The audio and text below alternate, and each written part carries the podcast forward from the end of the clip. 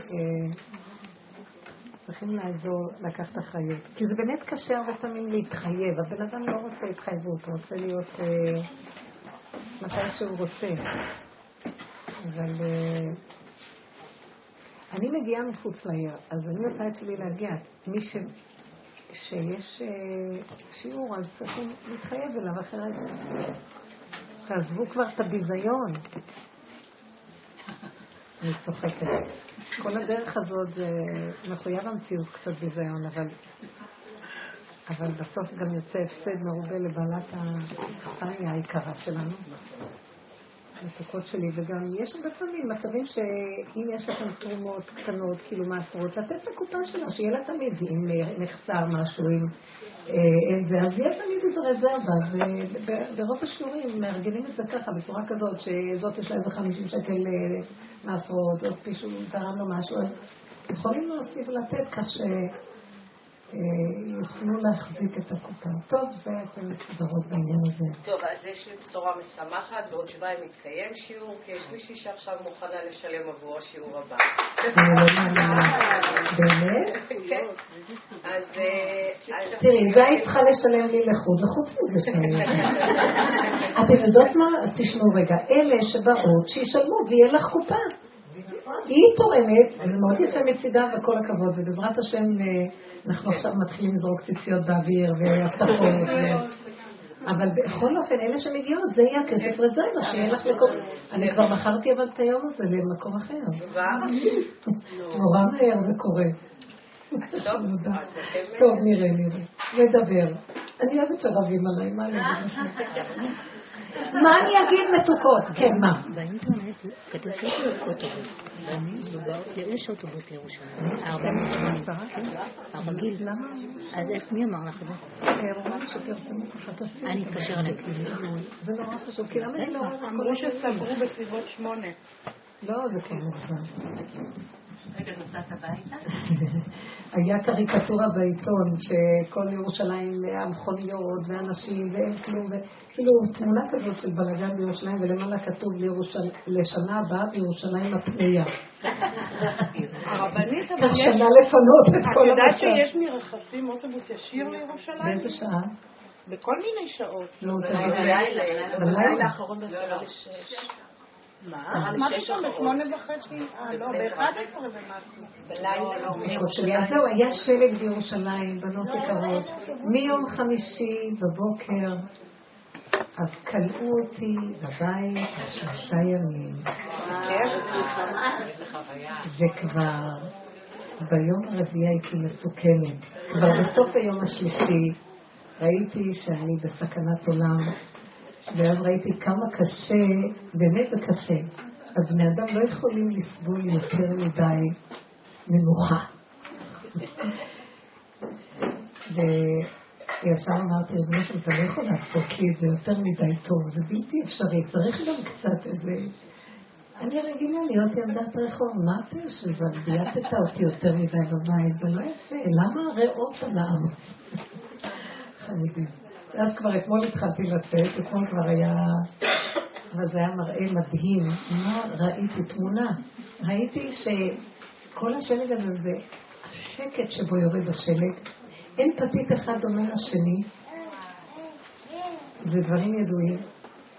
וראיתי שזה בעצם, אמרתי, ריבונו של עולם, העולם שלך עכשיו כולו לבן, כלומר החומר התכסה בלבן, אז זה חמורו של משיח, אז רק תתגלה כבר, כי כבר יש חמור לבן. כל החומר היה לבן, כל, הכל לבן. משהו מדהים.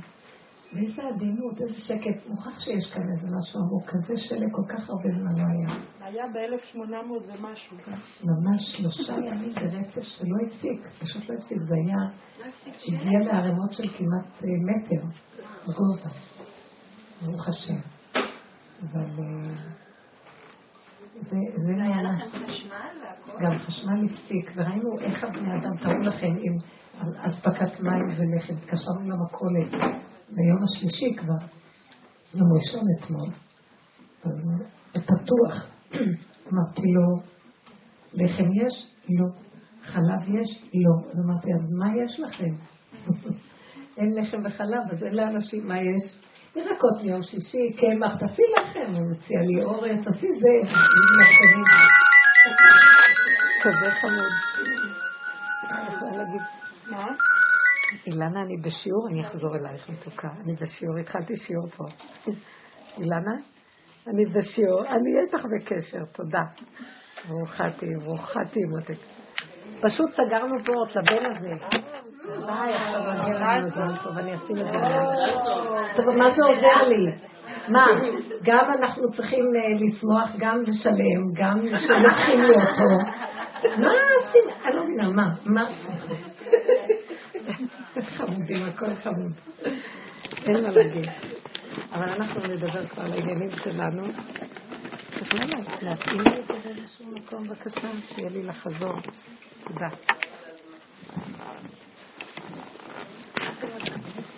ובעזרת השם,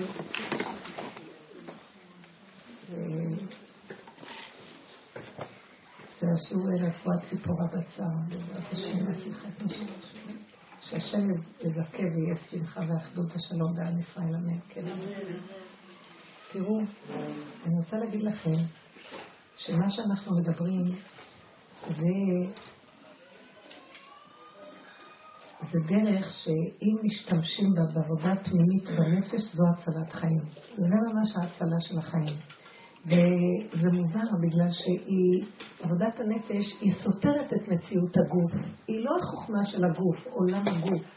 עולם הגוף זה עולם הסיבות של הטבע, שזה ההיגיון, זה הזמן, זה ההתנהגויות של בני אדם בעולם ובטבע, והצורה שהמוח שלנו קולט את העולם. העבודה הזאת היא עבודה פנימית. היא לא השכל הטבעי בכלל, היא מעבר לשכל הטבעי. איפה שנגמר השכל הטבעי, שם יכולה להתחיל העבודה הזאת. זה עבודת האמונה. אמונה זה התמעטות השכל. אי אפשר להחזיק אמונה. וזו מילה נרדפת לאמת. ומה, למה אנחנו כל כך רוצים אמת? כי באמת יש הגאולה שכולנו מצפים לה. שוויון הנפש, רגיעות הנפש, שלוות הנפש, שאין שום דבר בעולם שיכול להיות יותר טוב ממנה. בני אדם חושבים שלוות הנפש, ואני אגיד לכם, מי שמתבונן בחיים ומי שנכנס בדרך הזאת מתחיל להעריך כמה שלוות הנפש זה הנכס היותר גדול מכל דבר אחר בעולם. כל תענוגות לא ישבו לה. זה בעצם התורה. אם תחפשנה כמה תמונים וככסף, אז תבין מה זה אהבת השם, יראת השם, אז תבין מה זה שלוות הנפש. כל הזהב והמטמונים שבעולם לא ישבו לה. אני לא יודעת אם הייתי כאן, לא חושבת שהייתי כאן, אה, סיפרתי לכם על, הבח... על האיש הזה שהיה לי, שהוא רצה להתאבד, סיפרתי על הסיפור הזה? לא. לא. היה אצלי בנר שביעי של חנוכה, מישהו שהוא היה, שאני, מישהי מהשיעור בבני ברק הביאה אותו אחיה, והיא אמרה שהוא רצה להתאבד אז, תפסו אותו עם כדורים. ואז הוא הגיע אליי, אמרתי לה, תביא אותו, שיבוא לארץ ולא יישאר בשום אופן שם לבד. והוא בא, והביאה אותו אליי. וראיתי, לפניי עומד אדם בשנות החמישים שלו. טוב שכזה אני לא ראיתי אצל הרבה אנשים, הוא הקרין טוב. אבל הוא אמר לי ככה, אני רק השבוע עוד חי, אני רוצה להתאבד. זה שהם הצילו אותי, זה לא אומר שאני לא רוצה להתאבד. אני לא מוכן להמשיך לחיות. ואז הוא התחיל לדבר. את יודעת איזה חיים אלה? חיים שיש בהם המון שקר פה. ואני אומרת לו, נכון. חיים שיש בו גנבת דעת נוראית, נכון. גזל, אין אהבה, אין אחדות, כל מה שהוא לא אומר. מה לא התמסרתי ונתתי? גנבו אותי, רימו אותי, מנצלים אותי. אני טוב ואני לא יכול להיות אחרת. אז אין לי סיכוי לחיות טוב ולכן אני רוצה להתאבד. אמרתי לו, גם אני. אמרתי לו, כל מה שאמרת זה בדיוק מה שאני מרגישה ומבינה פה. שזה פה מעוות לא יוכל לתקון. מאוד קשה פה, מי שרגיש, מי שעובר את החיים, מי ש... אז הוא אומר, את מבינה אותי לגמרי. אמרתי לו, כן, אני מבינה אותך לגמרי. אז למה אתם רוצים להציל אותי שאני לא אתאבד? אמרתי לו, תראה, יש מסלול חדש, שאם תבוא איתי במסלול הזה, אז תוכל לראות שאפשר למות לעולם בלי להתאבד בגוף. אתה רוצה לבוא איתי למסלול הזה? כבר התחיל להסתכל, אמרתי לו, כדי להגיע למקום הזה, אתה לא צריך לאבד את הגוף. אתה צריך להתאבד לדעת. זה מה שנקרא עיבוד לדעת. תאבד את הדעת. את דפוס החיים של הטבע. ככה צריך להיות. למה עושים ככה? מדוע זה... יש טבע. אבל תדע שאנחנו צריכים להגיע למקום. המסלול שלנו אומר ככה. יש טבע. אם הוא עובד, אני לא מקנאה באלה שזה עובד, כי זה כאילו ממשיך להזין את התוכנה הזאת של הטבע. אם זה לא עובד, סימן שאוהבים אותך. אבל אל תתייאש. בוא, אומרים לך, בוא לכיוון אחר. רד מזה ובוא לכיוון אחר. אומר לי, אז מה? מה אני ארד? אם את השכל, אם את הדעת אני אאבד. זאת אומרת שיש דת, אז יש טוב, יש רע, יש צריך, יש לא צריך, יש מה שנכון, יש מה שלא נכון. אמרתי לו, באמת, הכל בסדר. אם ככה זה קרה עכשיו, זה נכון. זה לא ככה זה היה צריך להיות, זה לא צריך להיות ככה. במסלול הזה שאני מדברת איתך, אנחנו מכניסים את הדת למקום אחר. מקטינים אותה, מקטינים, ופתאום מתחיל להתפתח משהו פנימי אחר שנקרא הגולם. אני חושבת שדיברנו על ה... זה לא מושג חדש פה. מה זה הגולם? אמרתי לו, הגוף הזה, יש פה, זה לא בדיוק הגוף, זה גוף נפש, יש בו אינטליגנציה פנימית מדהימה, שהיא יודעת את הגבול שלה בכל דבר, והיא לא תלך לאיבוד בעולם כי היא חושבת שאין לה את השכל של הטבע. יש לה שכל ואינטליגנציה משלה, מדויקת, ושאפשר להתקיים בה מאוד יפה. אז הוא אומר לי, מה מחיה את הגולם אם אין שכל? אמרתי לו, לגולם יש שכל משלו, אבל באמת כלפי חוץ זה לא הדעת הרגילה. אני אסביר. אז הגולם חי מהתנועה. עצם זה שהוא נע, יש לו חיות מהתנועה. אבל תראה, אני איש עסקים, אם לא יהיה לי כסף, אז אני לא, אני אהיה גולם עד מחר, אני לא יכול בלי כסף, לקחו לי את כל הכסף ואני מאוד שבור מזה. השם נתן לי להגיד לו, אמרתי לו, הגולם הזה, כל דבר שנצרך לו לתנועה שלו, ייתנו לו. והכסף נצרך לתנועה של הגולם, כי הכסף זה המפתח לפתוח את התנועה כדי שהתנועה תזרום. זה נקרא זוזים, בגלל שהם זזים. אז ייתנו לגולם את מה שהוא צריך בכסף, אבל ההבדל שבתוכנית של הדעת אנחנו שמים ערך שנקרא כסף, ערך שנקרא חברה, ערך שנקרא השכלה, ואז אנחנו משתחווים לערך, והוא יוצא מגדר הגולם, אין לו פרופורציה. לקחנו את הערך שנקרא כסף ועשינו מזה אלילות. ואילו הגולם צריך את הכסף כדי להזיז את מציאותו, ותבין את ההבדל הגדול הזה. אז זה לא הכסף מניע את האדם. הגולם יש לו אינטליגנציה שהיא מניעה אותו כל הזמן זז. אין רגע שילד לא עושה משהו. והתנועה שלו מזכה לו, אם הוא צריך את אותה תנועה, שהשם יביא לו את החומר הנצרך לתנועה. וכשהוא צריך את זה, הוא ישעבד את כולם כדי לקבל את זה. כי זה מוכח המציאות שיהיה לו את מה שהוא רוצה, זה אינטליגנציה מסוג אחר. זה משהו אמיתי שהאמת מחייבת. אם הילד יצטרך משהו, הוא יהיה חייב לקבל את מה שהוא צריך. זוכרת שסיפרתי לכם על ילדה אספרג הזה, שביקש מאבא שלו תופים. אתם זוכרים את הסיפור? כן. והוא אמר, הוא קם בבוקר, הוא אומר, אבא, אני צריך מערכת תופים. ילד בן שמונה, אז הוא היה תשע. האבא כל כך סובל מזה שיש לו ילד אספרגר, והוא רב חשוב, ויש לו ילד כזה, ויש לו ביזיון מהילד הזה, לא הולך לו בלימודים, לא הולך לו בכלום. אז הוא קם, והאמא אומרת לי, אומר, מה עכשיו הוא קם לי בבוקר, ומה הוא מבקש? ללכת ללמוד תורה? מה אכפת לו? עכשיו הוא רוצה תופים, לא מעניין אותו כלום. והוא אומר, אבא, אני צריך תופים. ואני רוצה עכשיו להחטיף לו שתי סתירות, ואני לא סובל אותו. ככה אבא אמר לאמא. אבל הילד אמר לו, אבא, תראה, אם אני אומר לך שאני צריך תופים, אז אני צריך תופים. ואתה יודע, אם אתה לא תביא לי, השם יביא לי. אתה תראה.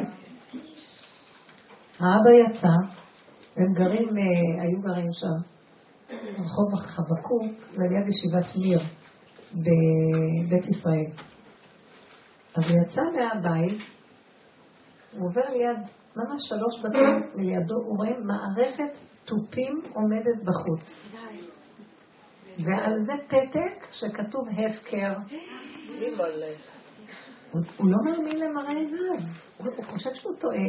הוא דופק בדלת הסמוכה, פותחת ניסיון, הוא אומר לה, מה זה מערכת התופים? אז היא אומרת לו, תראה, עכשיו זה ערב פסח. בחורים ממיר, אמריקאים, נסעו הביתה, והם הניחו את המערכת והפקירו אותה, מי שרוצה בו ויקח אותה. הוא לקח את התופים בעל כורכך, כמו שאומרים, המלאך הרע בעל כורחו אומר כן. לקח את התופים והביא הביתה, הילד אומר לו, אבא, למה אתה כל הזמן נלחם איתי? אני אומר לך שכשאני צריך משהו, אז השם יביא לי. למה אתה לא מאמין שהשם יביא לי כי אני באמת צריך? עכשיו, זה לא ילד עם שיגעונות, זה הגולם שלו, הוא מכוונן לגולם מאוד טוב, כי אין לו, אסטרגרס, אין לו את המוח הזה של הטבע. הוא לא מכוון במוח של הטבע הרגיל, הטבעי. זה דברים שהיא מספרת לי שקוראים לו, כי היא מסתכלת עליו ונדהמת. אומרים שיש לו את הבעיה הזאת, אבל היא אומרת, זה לא בעיה בכלל, ההפך. הוא מקבל עד אליו כל מה שהוא צריך, פעם היה צריך כסף, הוא אמר, אני צריך בוא נגיד 20 שקל. אז היא אמרה לו, התרכזה גם כן. אין לי לתת לך, תשפוך את הפח קודם. אז הוא אמר לה, מה הקשר? לשפוך את הפח אני עכשיו לא יכול. את לא מבינה שאני לא יכול? השם לא נותן לי להיות יכול, אבל את ה-20 שקל אני צריך. אז היא אומרת לו, מה אתה צריך 20 שקל? אז הוא אמר לה, את לא מבינה שאני צריך לקנות לי ממתקים. אז היא התרגזה עליו עוד יותר. תיקח את הפח ואחר כך נראה. אז הוא אמר לה, לא, את עושה לי מניפולציה. זה שני דברים שונים. כשאני אה, אה, אוכל לקחת את הפח, אני אקח. עכשיו אני לא יכול. כאילו, לא נותנים לי רשות. ואת ה-20 שקל אני חייב. את לא מבינה שזו האמת שלי? היא יצאה מהבית, ירד למטה, חזר אחרי כמה דקות עם שטר של 20 שקל. אמרתי לך, אמא, מצאתי את זה למטה במדרגות. היא אמרת לו פעם ולא פעמיים, קוראים לה כל מיני סיפורים, למה אני מביאה את זה להמחשה של אחד שהוא בטבע, השם שם אותו במקום הזה, וגם הוא נשמה גדולה. ברוך אתה אדוני אלוהינו לכולם שהכל נהיה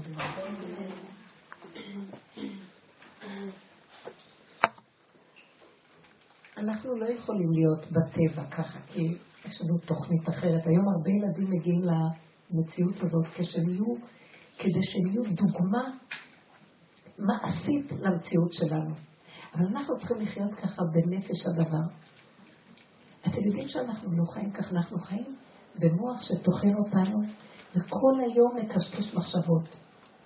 אנחנו חברה שמונעת על ידי אה, דפוסים של חשיבה חברתיים, צרכים שמשעבדים אותנו אליהם דרך כל הגניבת אה, דעת, מה שנקרא שטיפת מוח. את זה לקנות, את זה ככה, אני גם רוצה זה, וכולם אותו דבר, וכולם מחקים את כולם. אין. הבן אדם לא יודע באמת מה טוב לו ומה הוא באמת צריך לעניין שלו. וכדי להיות במקום הזה, כמה עבודה אנו צריכים. אבל עיקר התרגיל שאנחנו משתמשים לעבודה, זה התרגיל שנקרא סגירת המוח. לא לתת למוח לטחון. וכמעט כל אדם, אין לו כמעט מקום שהוא לא איתך, כל הזמן המוח טוחן. הרבה פעמים באה אליי איזו אישה, שהיא מסכנה, מסתובבת, מין הומלסית כזאת, אבל היא כל הזמן מדברת, מדברת, היא לא יכולה להפסיק רגע אחד. והבן שלי אומר לי, היא נורא עלובה כזאת, וכשהיא באה אלינו, אז שים לה קפה, תה, נותנים לה חתיכת עוגה, היא לא מפסיקה לדבר רגע. על כל מיני עניינים שלה. אז הבן שלי אומר לי, אי אפשר לשמוע אותה, היא כל הזמן מדברת. אמרתי לו, אתה יודע למה שלחו לנו אותה? היא דוגמה להראות לנו מה קורה לנו במוח כל הזמן. אתה יודע שכל הזמן המוח שלנו, מה שהיא מדברת כל הזמן, מקשקש. אתה יודע איזה רעשים יש במחשבה? הוא היה אמור מהתשובה שלי. אמרתי לו, שב בשקט ותראה. תראה אם אתה יכול לשבת חמש דקות בלי שהמוח שלך ינוע. כמעט ולא יהיה מצב כזה. תתחיל לקלוט. לכן אמרו חכמים שאדם ישעבד את מוחו בלימוד התורה, או את הפה שלו, כדי שלא יגיד דבר אחר בפה. שנשעבד אותו למקום הפוך לדבר. אבל להביא אותו למצב של שתיקה זה עבודת הגולם, היא עבודה מאוד מאוד קשה. אחרי שעברנו מהמקום הזה של הקלקול, מחשבות מקולקלות של טבע, למחשבות של עבודת השם ותורה, גם בעבודה שלנו, לקחנו את המוח הזה, ובמקום שאנחנו נסתכל על השני, אנחנו מסתכלים על עצמנו, איך אנחנו נראים בגירוי תגובה של עצמנו. אבל עדיין אנחנו משתמשים בשכל לראות את עצמנו. אנחנו, כי השכל במילא יעבוד, אז כדאי לנו לשעבד אותו, שיעבוד במהלך שיראה את מציאותנו המקולקלת של הטבע השכלי שלנו והדמיונות של המידות. אבל להגיע למקום שלא זה ולא זה בשתיקה, מקום של הגולם, תגידו לי אתם, מה יביא את האדם למקום? אם אתם קולטים על מה אני מדברת, הגולם, הגולם זה שנגמר המוח, אין כוח למוח יותר. מה? בואו נחשוב ביחד, מה יביא את האדם למקום של הגולם? ייאוש. ייאוש. ייאוש מהמחשבה. או ייאוש או רפיון. או? רפיון. מה פירוש? להרפות. לא, לא... מה יביא לאדם להרפות? כאבים. לא. כאבים. מי אמר את המילה כאבים? אני. זהו, זהו. זהו, ילדה טובה, כמו בכיתה. מי אמר? כאבים. הכאבים, מה מביא, מה, מאיפה נגרמים הכאבים? איך? שאדם מתבונן במהלך החיים שלו במחשבה, הוא רואה מלחמה תמידית. כן צריך, לא צריך, אולי ככה, לא ככה. למה ככה? חבל שככה. זה ככה. לא. כל היום הוא במאבקי מוח. כמעט לא נראה אותו יושב, אולי הריגושים. טוב, בוא נגיד, היה לו איזה משהו שריגש אותו והוא כולו מפרפר משמחה. חכה עוד קצת, תראה שעוד קצת הוא ייפול. כי אם היה את זה, גם יהיה ייאוש. כי זה הטבע. זה הסקאלה של הטבע. אין להימלט מזה. וזה, אם האדם לא מתבונן, אז הוא חושב, יש לו כאבים, למה זה לא ככה והיה צריך להיות ככה, אבל אם האדם מתבונן, לא לחפש תוצאה, כן צריך ככה, לא צריך ככה, מעצם המנגנון איך שהוא נראה, אנחנו ניגמר רק, מה הולך לי בראש? אני משוגע. כל היום אני בספק, כל היום אני בכאבים, כל היום אני דואג, כל היום אני שונא את ההוא ואני לא יכול לסבול אותו, כל היום יש לי איזו מחשבה שטוחנת אותי, כפייתית, שאני לא יכול לעזוב אותה. אתם יודעים? זה חולי. לדעתי, בחודשים האחרונים, עכשיו, יש איזה משהו שהשם רוצה לפרק את התוכנה הזאת. ויש כאילו, הוא נותן לנו פנס מאוד, עם אור חזק, תראו איך זה נראה. אם לא נשתגע, אולי נגיע לכאבים האלה, והכאבים, אם לא ניפול בייאוש, נגיע למסקנה. אני לא רוצה יותר לחיות ככה. אני עייף. זו העייפות. זה מביא את האדם לעייפות. והעייפות הזאת מביאה את האדם לגולם. די. אין כוח. לא חייבים לחיות ככה. אני לא רוצה כלום. תנו לי שלוות הנפש. שקט. מתיקות של רגע. אני לא רוצה יותר כלום. אני מוכן לוותר על זה. האדם מתחיל להתכנס למציאות של הגולם. הגולם זו המדרגה הכי גבוהה במדרגת האדם. לפני שאחר כך מתלבש עליו אור אלוקי גבוה. מה שראיתי אצל האיש הזה, הוא עבר כל כך הרבה ייסורים, עד שהוא הגיע שהוא רוצה למות. וכשעצרו אותו מלמות, זהו, הוא נרקב. זה כמו בעל תשובה, הוא הגיע למקום של תשישות מכל העבר. הרגשתי שאפילו שהוא אומר, אני רוצה עוד להתאבד, אבל הרגשתי שהוא תשוש. הוא לא רוצה יותר להמשיך. והביא אותו בדיוק בזמן לשמוע שלא חייב להמית את הגוף כדי לנוח. זה לא מנוחה בכלל, כי המוח ממשיך עוד לטחון. פה אנחנו מפרקים את המוח בתוך הגוף, ולא ניגע בגוף, ואסור לנו לנגוע בגוף, הוא לא שלנו. אבל במערכת המקולקלת, התולעת הזאת שאוכלת את האדם, כמו אש, שמה אנחנו נדרשים לעבוד.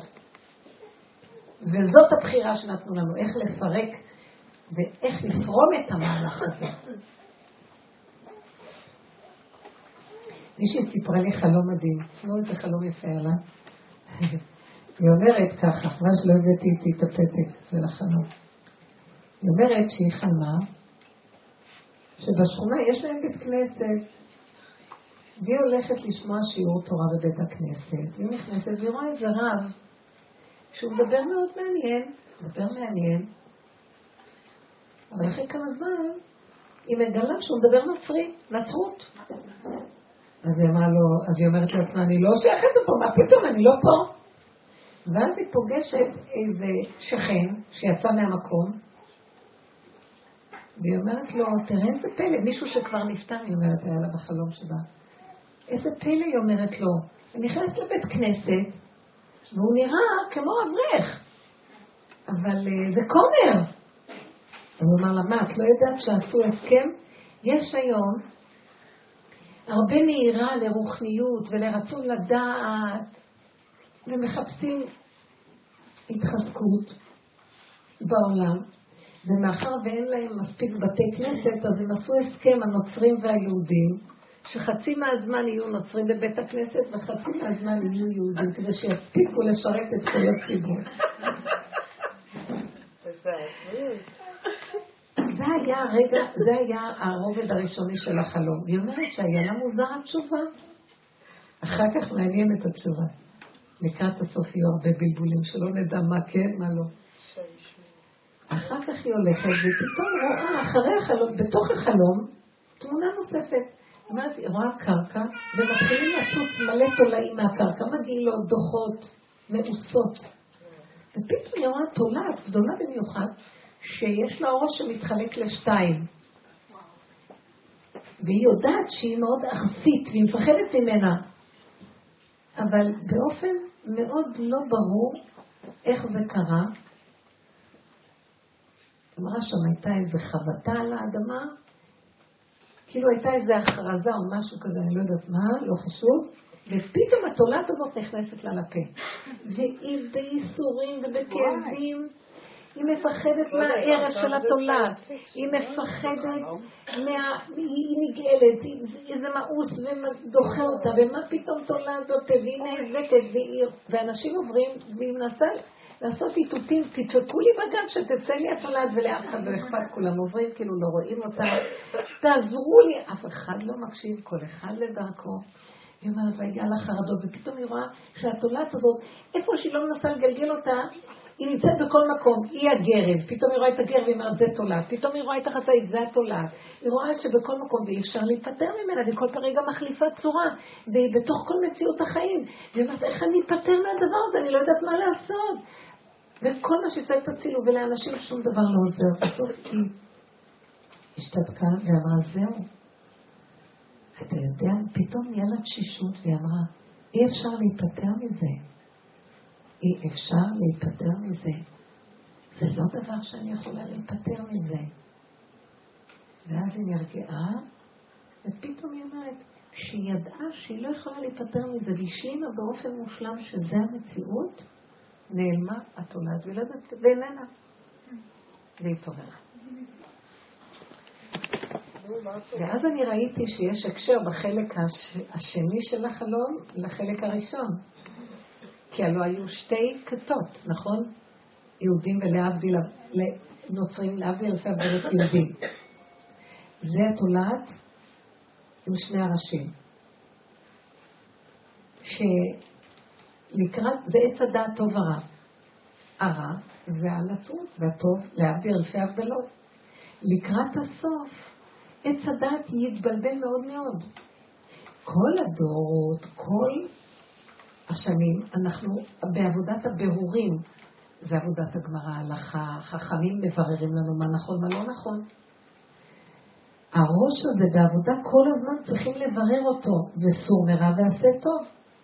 לקראת הסוף יהיה מצב שכמה עבודה שלא עשינו, יש בלבולים מאוד גדולים, בטוב וברע, ולא יודעים מה טוב ולא יודעים מה רע. דברים שנראים כאילו יהדות, וזה לא יהדות. אני זוכרת שהבן אה, הקודם שהיה בשידוכים, אז אה, בא איזה ראש כהן, הציעו את הבת שלו, אז בא לבחון את הבן. דיבר איתו בלימוד, שאל שאלות, למדו איזה קצת משהו ביחד. ואחר כך הוא אמר לו, ומה עם הפרומקאית שלך?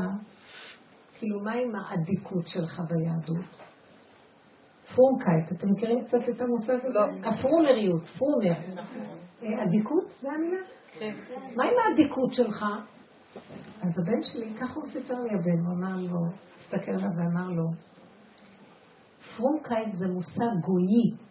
לנו יש תורה, והתורה מנחה אותנו מה נכון ומה לא בצורה מאוד ברורה. לא צריך אדיקות, פרומקאית. הוא אומר, זה, הוא אמר לו, זה הופך להיות כמו מציאות של גויים. וואי, לא הוא, הוא מאוד התפעל מהתשובה, לא חשוב שהשידוך לא היה לעניין. אבל התשובה הייתה תשובה, הוא מאוד התפעל מהתשובה.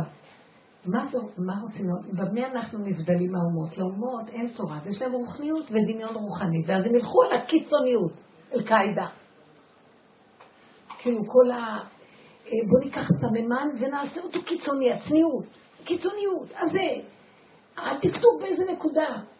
והבן אדם החכם מתבונן ואומר, לא, לא צריך, קו האמצע זה החכם, וכל הזמן החכמים מתפלפלים כדי לתת לנו הלכה פסוקה, מה נכון, ושנדע במה ללכת.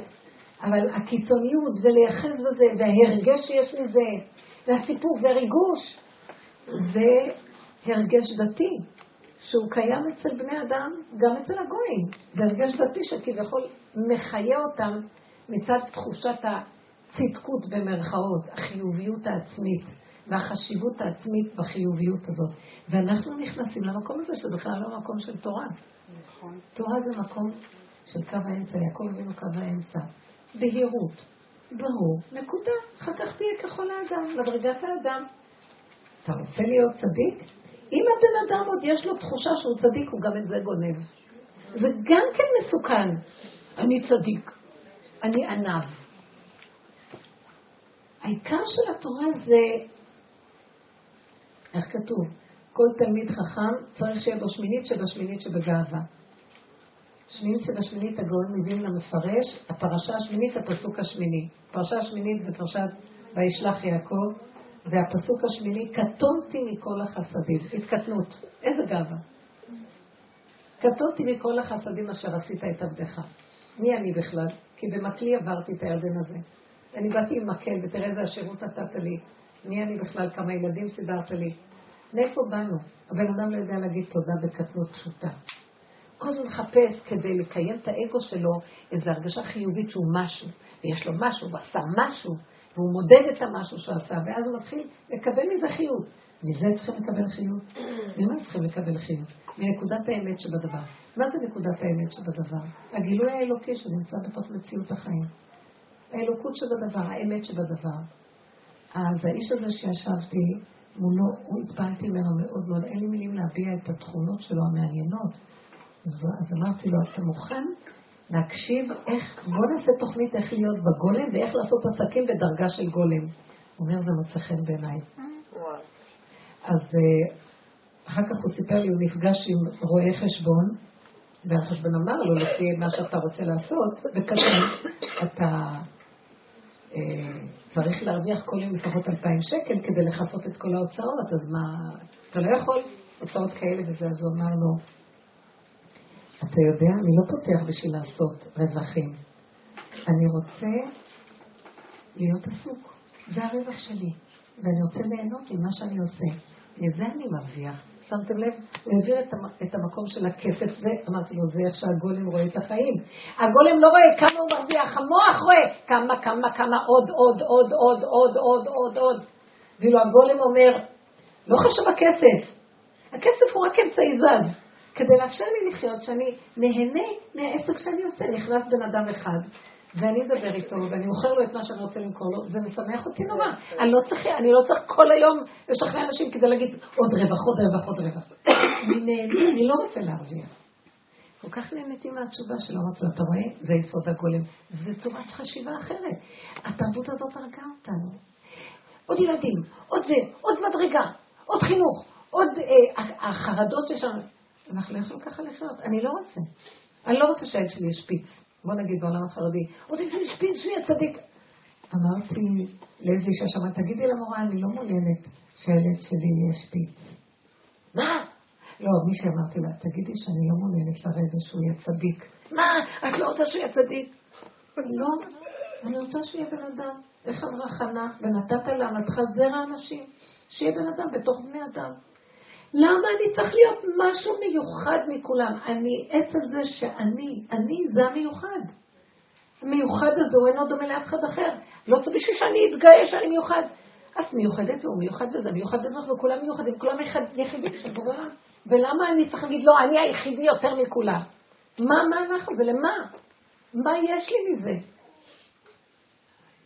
זה תרבות של עוד ועוד ועוד ועוד, ולא מספיק. והבן אדם נגמר, אין אדם מת וחצי תאוותו בידו. יש לו מנה, רוצה 200. אז איזה חיים אלה? זה תוחלת ממושכה. כל הזמן רוצים עוד להשיג ולא משיגים, וכל היום רודפים מחלת לב. אנחנו חולים, הלב שלנו חולה אנוש. אנוש הלב, אומרת ההפטרה של בחוקותיי, אנוש הלב, עקוב הוא מכל עקוב, עקום, מי ידענו? הלב שלנו חולה, זה תרבות חולה. ומה שאני מדברת על הנושא של הגולם, אני אומרת לעצמי, בואו נבדוק את היסוד של מה זה גולם. אני רוצה לחיות. אני רוצה להיות עסוקה. בעלי אומר לי, אתמול נסעתי, זהו, אתמול הרגשתי שאחרי שהיו כל כך, מיום חמישי היו אצלי, וכבר אתמול היה יום ראשון בשעה שש, אמרתי לו, זהו, אני עכשיו הולכת לשיעור בבני ברק. למה? תנוחי, תרגי, תהיי בבית. אמרתי לו, לא, זה כבר יותר מדי לשבת. אז הוא אומר לי, מה? כאילו, את רוצה את הכסף שאת מביאה מהשיעור? והוא הסתכל עליי ככה. הסתכלתי עליו לרגע ואמרתי, אתה לא מבין? אני רוצה להיות עכשיו באוטובוס. אני רוצה עכשיו להיות בתנועה. תעזוב את הכסף בכלל. בכלל הכסף לא הנקודה. אני רוצה אני רוצה עכשיו ללכת לתחנה מרכזית. הסתכל עליי, הוא לא הבין, בצחוק. אמרתי לו, אתה לא מבין, זה לא קשור לכסף. כל הון שבעולם לא ישווה לרגע לצאת. באותו רגע שהרגשתי את האמת שלי, אמרתי לו את האמת הזאת, ולא היה נראה כל כך אצילי להגיד לו, כמו ילד קטן, שלא יכול לשבת יותר היפראקטיבי, שלא יכול יותר לשבת... אמרתי לו, לא, לא, אני צריכה לצאת החוצה לראות אנשים, אני צריכה לנסוע, אני צריכה לדבר. נכון. הוא מסתכל עליי ככה, אז הוא אומר לי, לא, זה בגלל הכסף, נכון, את לחוצה, כי צריך את זה וצריך את זה, ואנחנו אמרתי לו, בכלל זה לא המחשבה שלי. אחר כך התוצאה, מה שיהיה, יהיה, לא אכפת לי. כי מה מחיה אותי? הדיבור מחיה אותי, אני רואה את החברות.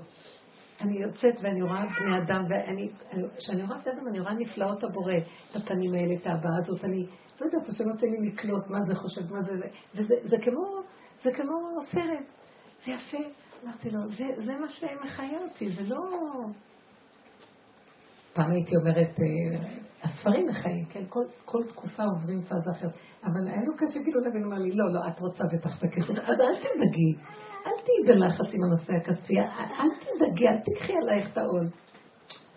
ואני ראיתי שבכלל הוא בכיוון אחר של חשיבה, כן, כי המוח שלו עובד, צריך כך וכך לשלם, זה וזה צריך לעשות. בכלל לא, לא אכפת לי, שלא משלם. השם ישלם. אני עכשיו כמו ילדה קטנה רוצה ליהנות. אני רוצה קפה ארומה, מזמן לא שתיתי קפה. לא אמרתי לו את זה, הוא לא יודע שאני שותה קפה ארומה. לא.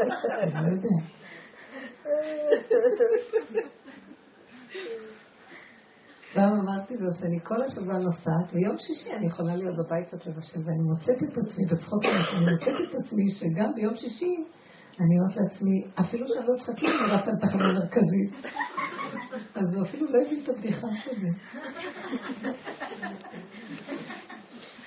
לא, כי השכל הטבעי הפשוט, השכל של אה, פרקטיקה, מה? אתם מבינים אני מדברת? אפילו ילד קטן, שיהיה לו את האינטרסים של החשבונות רבים, זה ועוד זה וזה ייתן לי זה, אז מה התוצאה שתהיה לי? לא. אתם יודעים איך הגולם חי? הוא נהנה מהרגע. תדעו לכם, זה להקים את השכינה. ילדים קטנים, שמחים, אוכלים כי טעים להם ונעים להם. ואם את תסכימי לזה, תאכלי כל היום עוגה, זה לא יזיק לך, כי את נהנית, טעים לך. את מודה להשם, זה מתוק, לא, לא לאכול עם המוח. ואני רואה שיש המון פעמים שהמוח מתאזן, זה לא המוח, הגוף מתאזן לי, ויש פעמים, אני יכולה לאכול כל היום קפה ועוגה. וטעים לי. אחר כך יכול להיות יום משהו אחר, ואני, ופעם הייתי אומרת, לא, זה לא בריא. עצם הפרשנות של המוח שזה לא בריא, וצריך ככה בחומרים כאלה, וצריך איזון, וצריך... אה, נכון, יש מערכת שלמה של עולם שהיא משפיעה ממש, החשיבה משפיעה, זה מין מעגל שאת לא יוצאת ממנו. החשיבה משפיעה על מציאות האדם. ואם את לא תאכלי ככה, באמת זה יכול להזיק. אבל אם את אומרת, לא, אבל אם טעים לי, הגולם טעים לו, שם זה החיות שלו. אף אחד לא ייגע בו. זה חוק אחר. זה חוק מעולם אחר. אתם מבינות? זה חוקים אחרים. שמח לו, שמחת הנפש, הנעת הנפש, על כי לא עבדת את השם אלוקיך בשמחה ובטוב לבב מרוב כל. בלי דאגה, בלי מחשבה, בנהנתנות, ברגיעות, במתיקות. טיפה של כאב, סימן שהמוח טוחן. אם יש כאבים, המוח טוחן. המסקנות לא יוצאות לך מה שהמוח חושב שצריך להיות, ואז מתחיל להתראות המצוקה הרגשית, ואחר כך את נהיית במצוקות בגוף, בנפש. אז זה תרבות אחרת, אנחנו מציעים פה דרך אחרת, אבל צריך לעבוד איתה. אני רוצה קצת שאלות מעשיות. כן. סיפור. שבוע שעבר, לפני, לא משנה, יום חמישי אחד החלטתי שאני מתפנקת ואני לא דואגת לשבת ואני נשארת אצל ההורים שלי בוקר בקפה ארומה, צהריים בדרג. ולא היה אכפת לי בכלל מהשבת והלכתי עם זה עם כל הלב. פתאום בצהריים אני מקבלת טלפון מאיזשהו איגוד שאני עובדת איתו, של סטודנטית. תשמעי, את יכולה לעשות הפרשת חלה ביום שישי? במלון בצפת? אמרתי כן, אבל רק אם אני באה כל השבת. זה יצא לי כל כך טבעי, ואני גם כזאתי לא. ואז אה, הם אומרים, ואז עוד הוספתי ואמרתי, אבל שני חדרים, אל תיתנו לנו לצופף בחדר אחד. איזה תנאים. ואז טוב, לא, זה לא מקובל, וזה טוב, צריך לחשוב על זה, אמרתי, תחשבו על זה. חזרו אליי, אומרים לי, טוב, שני חדרים את לא מקבלת שכר על הפרשת חלה. את לא מקבלת? לא מקבלת שכר על הפרשת חלל, מה שאת עושה שם. אני עושה שם איזושהי הפרשת חלל. ואז אמרתי, טוב, אני אחזור אליכם. ואז השכל התחיל להגיד, טוב, אני אתקשר לבעלי, אני אשאל אותו, אולי ניקח את זה, אולי לא צריך אה, לשלם באמת על זה, כי זה מצווה. זה מצווה ללמד אותם לעשות פרשת חלל. ואז סגרתי את המוח ואמרתי, אבל את לא רוצה לעשות בלי שכר. מה, אני צריכה את המלון שלהם? את לא צריכה כלום. התקשרתי, אמרתי, לא, לא מתאים לי. אם אתם רוצים, תשלמו על הפרשת חלב, תנו לי שני חדרים ואני באה לכל שבת. בקיצור, וזה ככה היה, זה קשור לאחרי שנה. בדיוק. אם לא היינו חושבים, הדברים היו באים עד אלינו. באמת, אני רואה את זה. זה היה כזה, כאילו הכל נשפך לי מהפה בלי שאני כן, אחשוב. יפה, בלי לחשוב. בלי חשבונות רבים, בלי הפחד. אני אגיד ונראה מה הם יגידו. מה אכפת לך? שלא יהיה, אז לא צריך. נכון. החיים צריכים להיות פשוטים. אני לא באתי לעשות רווחים. אני נהנה וזהו. אם רווחים יבואו, שיבואו. כבדרך אגב. ככה באה הישועה. אה, כבדרך אגב, אתם יודעים, באמת, אנחנו שמים את המוח על כל דבר ואין ברכה. יותר מדי בולשים, יותר מדי חוקרים, יותר מדי מחשבנים, ואז אין ברכה, כי רואים יותר מדי, זה עין רעה. שמים עין על הדבר. לא יודעים, אז יש ברכה. זה יסוד הגולם. פשטות. פשטות! הלוואי והיינו יכולים, אני רואה את זה כל הזמן. פתאום אני רואה איזה דבר שהיה לי אה, איזה נקודה בנושא הזה של השידוך, שראיתי שאני צריכה להתעקש על משהו, וזרקתי, כמו שהיא אמרה כאן, טק, טק, טק, זה נתונים, תנאים שאני... ואחר, והלכתי לי. אחרי רגע אמרתי לעצמי, הגזמת, את לא חושבת, ואמרתי, תלך לישון. הכוח הזה, אל תבוא לבלבל אותי. סגרתי את המוח והמשכתי ללכת. לא עבר זמן מועט, הם החזירו טלפון, בסדר. ראיתי שאם אני מתאבקת עם עצמי, כי מה אכפת לי? האמת שזה מה שאמרתי לאיש הזה. אתה יודע מה? אני גם התאבדתי כבר לעולם מזמן, אבל לא בגוף. זה מין מצב, אתה יודע מה, אני זורקת, אתה רוצה טוב, לא רוצה, במילא מה, במילא אין לי חיים, במילא אני מתה כבר מזמן, משהו כזה, במילים אחרות. אנחנו לא מתים, אנחנו מתים לדעת הזאת, לתרבות הדעת. אז מתחילים לחיות באמת, כי אין לך מה להפסיד. בחשבונות רבים של המוח, כל הזמן נדמה לך שאת הולכת להפסיד, את מפחדת להפסיד ואת מפסידה הכל. ואילו פה את אומרת, אין לי מה להפסיד, זהו זה, זה הנקודות, מי שרוצה עושה, ואם לא, אז גם בסדר, הכל בסדר. המחשבה היא ברמה אחרת. לא שהגולם הלך אחריה, הגולם מוביל והמחשבה מאחורה. בדיוק הפוך. יותר טוב לא לדעת ולא לחשוב. בדיוק הפוך מהתוכנה של עץ הדת, שכל כולה מוח שליט הלב, מחשבה, בסדר, עבדנו ככה כל השנים, אני לא באה עכשיו, זה לא שאנחנו... זה דורות, תודה. דורות של תרבות כזאת, אבל יש לנו כאבים מזה. אם יש לנו כאבים אנחנו משתגעים מזה, סימן שנגמר העבודה שלה. זה הגבול שלה. מה אנחנו מחיים אותה בלי סוף? הצורה של ההשכלה משוגעת היום. משוגעת. אנשים השתגעו. פשוט, והם אפילו לא שמים לב שהשתגעו. כן. את אמרת פעם באחד השיעורים לפני כמה שנים, ברכסים, אה, הייתה ברכסים או רבנים? כן. כן נדמה לי שאמרת שרבי אה, מנחם מנדל מוויטבסק, יש לו כן. ספר. פרי הארץ. כן, אז זהו. אז את אמרת אה, על הפסוק, אה, זה השער להשם צדיקים יבואו בו, ואז הוא מפרט, זה שער המוות. את זוכרת? לא. שהבאת את זה? לא זוכרת שקראתי את זה. לא, כי את מדברת על למות ל... אבל את את, אה, את מכירה את ה... כתוב את זה בגמרא, מות עד שלא תמות. כן. אה, במה נקראת התורה? אדם כמות באוהל. אין, התורה מתקיימת על מי שממית את עצמו עליה. זאת, אנחנו גם בתורה, זאת תורת הנשים, זאת תורת המידות. תורת, הם לומדים את התורה בדעת, ואנחנו, זה תורת המידות. מבשרי זה אותו דבר. אנחנו מדברים כאן על התורה שבמידות. לפני שקיבלו תורה, זה מה שיעקב אבינו למד בבית שם ועבר. תורת המידות כתוב. מה למדו שם? לא ניתנה תורה. אז, אז מה למדו בבית שם ועבר? שזה היה הישיבה של כל גדולי העולם באותו דור הלכו ללמוד שם. זה בית היוצר שלימדו. לימדו תורת המידות. מה זה תורת המידות?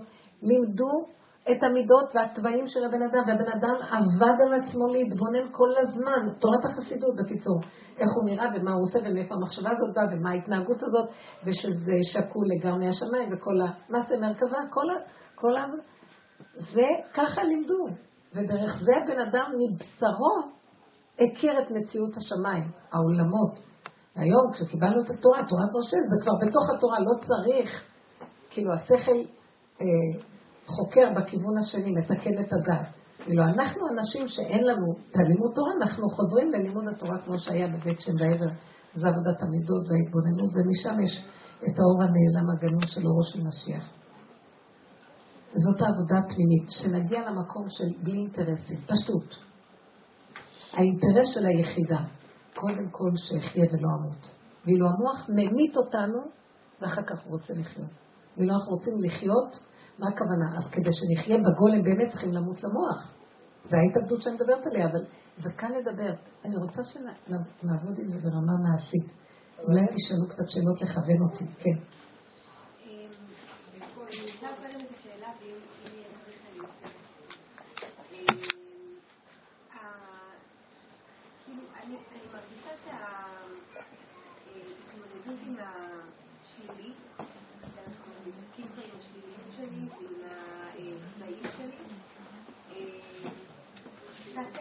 לייאוש.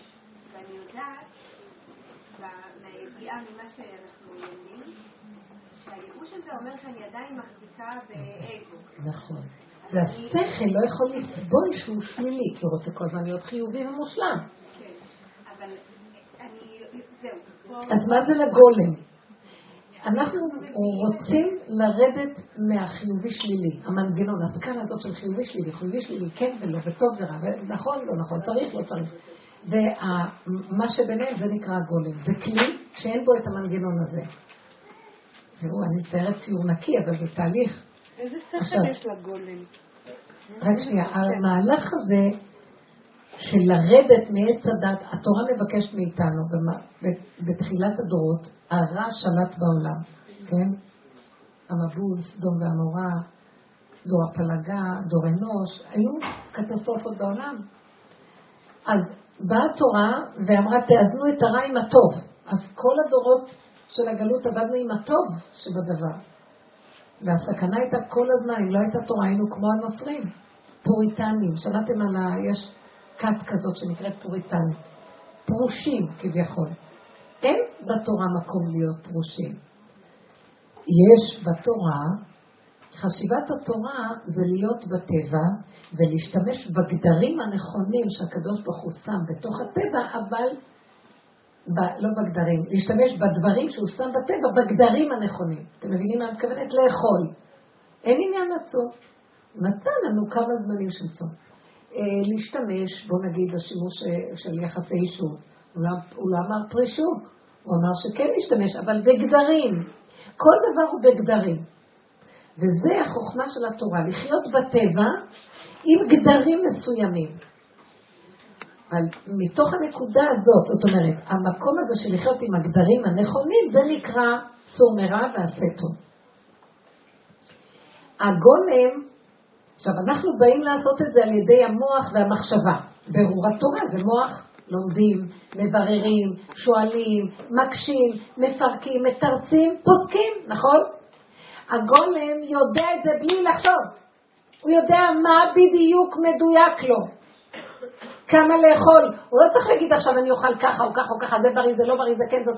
הוא יודע. הוא גם חי, השכל שלו לא עובד. הגולם, השכל שלו זה סיבות. מסובב הסיבות? אז הוא רואה שסיבות באות לקראתו, אז הוא יודע, הנה, פתחו לי פתח פה. אחרי כמה דקות באה הסיבה פה, הוא ערני לסיבות. הוא מאוד עם, מה שנקרא, איך זה נקרא? הוא אה, אונליין.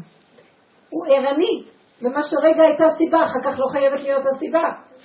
הוא חי עם ההווה שעובד.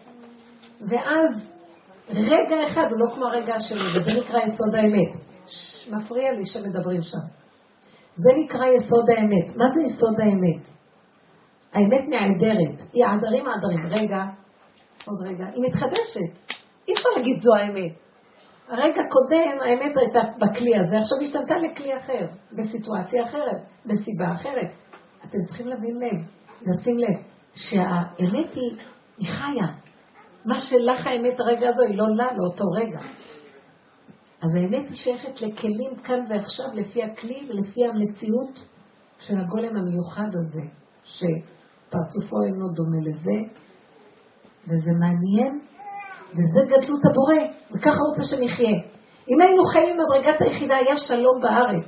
אף אחד לא היה מסתכל לשני, אתה לא עושה נכון. סליחה, מה שנכון לך לא נכון לי במקום הזה. עם הגדר שמה שהתורה נותנת לי כרגע, לך זה נכון, לי זה לא נכון כרגע. אתם יודעים? אם היינו חיים נכון, לא היינו צריכים כולם לצום באותו יום. לא היינו צריכים כולם לעשות את אותה פעולה. זה הגלות. היסוד של צום קיים בבריאה. זה כוח הצמצום הגדול, אבל לא לכל אחד, תמיד, בכל זמן, ובכל מצב. אתם מבינים מה אני מתכוונת? כי יש רגע שהשם נותן הרחבת הגבול, ויש רגע שנותן צמצום. בגלל שגלינו וחטאנו ואנחנו מתקנים את המוח, אז המוח, כולנו צריכים להיות אותו דבר. הבנתם? זה הגלות. גלינו מנקודת היחידה, מיוחדות של הזמן והמקום והכלי, עולם שנה, נפש, הכל מחובר, מכוונן. מה שזה לא יהיה זה, ומה שזה לא יהיה זה, ומה שזה לא יהיה זה. וזה גדולתו של הבורא, שכל אחד ואחד הוא עולם בפני עצמו. ואת צריכה לומר, לעולם יאמר אדם, בשבילי נברא העולם, ואין אף אחד בעולם חוץ ממני. אדם הראשון. וכל מה שאני רואה מסביב, זה לא קשור אליי בכלל, זה לא בני אדם שקשור. זה של השם, אבל אני בן יחיד של השם. ככה היינו צריכים לעבוד.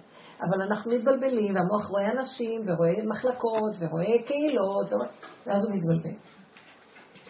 אז אה, המדרגה הראשונה של האנושות הייתה לרדת מהרע ולעשות טוב. המדרגה השלישית זה לרדת מהטוב למצב של גולם. לטוב הפרטי של הנפש, להפוך את העולם של הרוח שהוא כללי למצב יחידתי פרטי, מה איתי בהקשר למה שכתוב פה. הבנתם? זו מדרגה הרבה יותר דקה של אמת. את מורידה את זה עוד מדרגה. זה מה שאמרו חכמים שנייה, שמשה רבנו, המשכן של משה היה במדרגה פחותה מבית המקדש של שלמה. המשכן שלו היה מדרגת ביניים. במשכן של משה במדבר הוא השתמש ביסוד החי והצומח. אה, היו האדנים של העצים, עצי שיטים, שיעקב הביא מארץ ישראל למצרים, אחר כך במדבר לקחו את זה איתם והם בנו בזה את הקורות ואדני המשכן, ועל זה שמו אורות תחשים. אז היה יסוד, ה... יסוד הצומח והחי. שהאורות התחשים כיסו את הגג של המשכן. במשכן שלו עשו חצי חומה של אבן, עליהם את הקרשים ועליהם את האורות חשים שהם עוד הביאו ממצרים. בבית המקדש של שלמה המלך הכל היה אבן. הורידו, זאת אומרת, היו קרשים בזה, אבל הורידו את כל המדרגה של צומח, של חי וצומח למדרגת הדומם. שמתם לב? הם הורידו למדרגת אמת יותר גדולה. גם הדומם להשתתף בבניין המקדש. אמת מארץ תצמח. אבן, מה עשו הבונים, הייתה לראש פינה. שמתם לב? אז קדושת המקדש של שלמה היא עולה על שאר המשכנים הקודמים. אותו דבר גם בעבודת השם. כשאנחנו לוקחים את אותו שכל, הוא מרחף לנו במחשבה, מרחף, ואנחנו יודעים, יודעים, לא יודעים להסביר. כשאנחנו מביאים אותו למידת ההבנה ומתחילים להסביר, אפילו לתת דוגמאות על הדבר, כמו שאמרו ששלמה המלך היה לוקח עיקרון והיה ממשיל עליו שלושת אלפים משלים. הוא אומר, תראו, תבינו ככה, ותבינו, הוא היה ממחיש אותו בשלושת אלפים צורות. אבל הייתה לו מידת הבינה מאוד גדולה. בואו ניקח אחד כזה שאחר כך נוריד אותו למציאות של היצירה וההרגש. ואחר כך ניקח אחד שמוציא את זה למעשה לגמרי לגמרי באופן מעשי. אז הוא לקח את זה מהרעיון והוריד אותו מכף רגל עד ראש. ואינו דומה כמו אחד שנתקע עם הרעיון. והוא יכול להסביר אותו קצת, שכאשר אפילו לא יכולים להסביר מה שהם מבינים. אז זאת אומרת, ככל שמורידים יותר את הדבר, מדרגת הגולם היא ההורדה המושלמת של השכל. זה שכל מסוג אחר. שם יש גילוי אמת. מה רצית לשאול? רציתי לשאול אם זה אומר מה שאמרת קודם על, הצום הקולקטיבי, האם הגאולה היא, היא מתבטאת בזה שאין יום צום לכולם? יש לי יום צום רק אישי? בכלל? כתוב שלעתיד לבוא אה, יתבטלו הקורבנות. יתבטלו המועדות.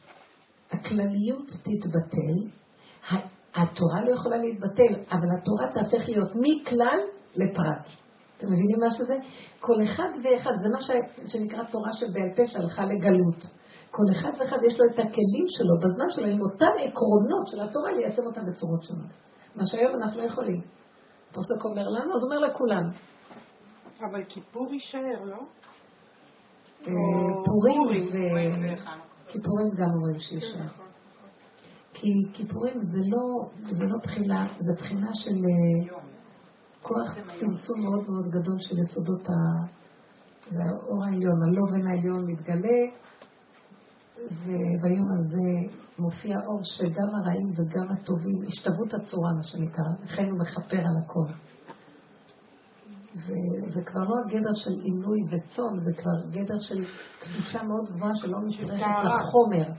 אין צורך באחיזת החומר, כי האור שם כל כך גדול, אז אין, אין נזקקות.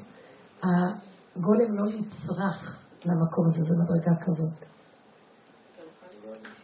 איך? נכון. אני ראיתי אצל רב אושר, שאלו אותו, איך מתנהגים ביום כיפור? אמר, כמו בכל יום. אז איזה תשובה הוא נתן להם? שאצלו, כל יום, כל יום הוא יכול להיות בכיפור. הוא כבר תפס את העיקרון של יום כיפור ויכול ליישם, ליישם אותו גם ביום אחר. שזה התשובה ולשוב עד השם, וידוי דברים, והנקודה, שימו לב, הוא לקח את העקרונות, הוא פירק את התורה למדרגה. פעם אחת אה, הוא ביקש מאחד התלמידי חכמים שלו, הוא אמר איזה משהו, הוא אמר לו, תמצא לי פסוק בתורה שאומר את מה שאני אומר לך עכשיו, את האמת הזאת. הוא מצא לו משהו, אז הוא אמר לו, אז רבו אושר, איך כיוונת לתורה? אז הוא אמר לו, לא, לא, התורה כיוונה ממני. תבינו, אני הבסיס הראשוני שממנו, מאיפה שאני לקחתי, שם התורה לקחה ממנו, מהמקום הזה. זה המקום של אמת מאוד גדולה, שהיא לא מהמקום של הדעת העליונה, הדעת של הבן אדם. זה יפה מאוד, נכון? היה עוד סיפור כזה ש... אה, זה היה, זה היה, זה אני חושבת שהיה, כן, הרבי, הנגיד ממזריץ', שפעם בא אליו איזה אדם ואמר לו שמופיע לו בחלום אבא שלו שנפטר, והוא אומר לו להתנצר. מי? להתנצר? להתנצר. כל פעם בא אבא הזה בחלום ואומר לו, תתנצר כבר, תתנצר, הוא מעמיד לו צלב ואומר לו, תתנצר. וזה מאוד מציק לו.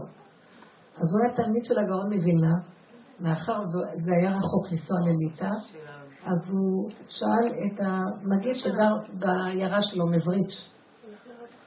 איך? הוא לא היה של הגאון מווילנה, הוא היה של... אה. של מי? בעל שם טוב. לא, האיש- לא, הזה, האיש היה תלמיד של הגאון מווילנה, ומאחר והמגיד במזריץ' גר במזריץ', והוא היה שייך, ולא יכול היה להגיע רחוק, וזה הציק לו מאוד, הוא אמר, אני אלך לשאול את המגיד, נראה מה הוא יגיד. אז המגיד אמר לו, תראה, איפה שאבא שלך טמון, יש שם מקל בצורת שתי וערב, ותפתח את הקבר ותוציא את המקל, ואז זה יפסיק להטריד אותך. וכך היה, הוא פתח ומצאו את זה, הוא תיקן את המהלך הזה. לימים כשהוא הלך לגאון, אז הוא סיפר לו את הסיפור הזה, אז הגאון אמר, זה דבר ידוע, בגמרא זה כתוב. אז אה, כשהוא חזר, הוא אמר למגיד שהגאון מווילנה אמר שזה כתוב בגמרא. אז הוא אמר לו, אני לא לקחתי מאיפה שזה כתוב בגמרא, הגמרא לקחה מהמקום שאני אמרתי לך. החסידות היא עמוקה מאוד. אין לנו, תבינו מה אני אומרת, כאילו, את רוצה, החסידות זה בחינת הגולם, והגולם זה האור הגנוז. כי עץ הדת הוא מבלבל, הדת זה, זה מבלבל. מבלבל. לקראת הסוף, החלום הזה שהיא חלמה, אה, רב אחד מדבר זה והכומר מדבר, והם עשו הסכם שצריכים עכשיו, יש הרבה אנשים שרוצים לשמוע רוחניות, אז צריכים, אין לנו מספיק מקום בבתי כנסיות, אז עשו הסכם. זה כזה מצחיק החלום, זה כאילו, יש איזו שאלה, לפעמים את לא יודעת מאיפה באים, מאיפה זה, מה זה, מה קורה פה בעולם היום. זה עץ הדת, טוב ורע מתבלבלים. עץ הדת, טוב ורע מתבלבלים. האמת היא מאוד פשוטה, נקייה. התורה היא נקייה, נקייה, פשוט, פשוט. לא להסתבך. הרגש, המידות, מסעירים את האדם ומסבכים את השכל הפשוט. אתם מבינים חשבונות רבים, זה נקרא. השם עשה את האדם ישר, והם ביקשו חשבונות רבים. טה, טה, טה, טה, טה, טה. בסוף רוצים להתאבד. אי אפשר לחיות ככה. תסגרו את המוח. לסגור. וללכת על הגולם. מה זה גולם? לא מבין, לא יודע כלום. אני נושם, אני יושב. אוי, זה נחמד לשבת. יותר מדי ישבתי שלושה, אני, אני צריך ללכת לארומה. אני צוחקת. אוטובוס, אוטובוס. פשוט, זה אפילו מפגר באיזשהו מקום. אבל יש בזה משהו נקי, שמח, מתוק. אני הרבה פעמים רואה את הגולם, תלוי, יש גולם שמתאים לו, פותח ספר והוא יכול להתרכז, אבל לא יותר מדי. הגולם יודע בדיוק מה לקרוא וכמה זמן, וכשהוא קורא וקולט משהו, המשהו הזה הופך להיות יישומי, לא חומר חמור נושא ספרים, מה שנקרא. זה יפה, נקי, יש לו תועלת בלימוד, לא יותר מדי, נקי, קצת. אבל אם היה לך איזשהו מניות בצורך הזה, אוטובוס, נכון. חומה, היו אומרים, נכון. בעליך אומר לך, לא, אני דואג לך, לא רוצה שתצאי. כאילו, איך את לוקחת את זה? אם הוא מתנגד לי, אני מחכה עד שהוא יפתח מזה. הגולם הוא מאוד אה, חכם לעניין שלו, כמו ילד קטן. כי לא מה שהוא אומר לי יוביל אותי, ואני מבינה שיש התנגדות שנשלחה לי, אז אני רגע מאיתה, ואם אני רואה שהצורך חזק, תלוי מה מדרגת הצורך לעומת, אז זה משקלים דקים. והרבה פעמים אני רואה שאין לי ברירה.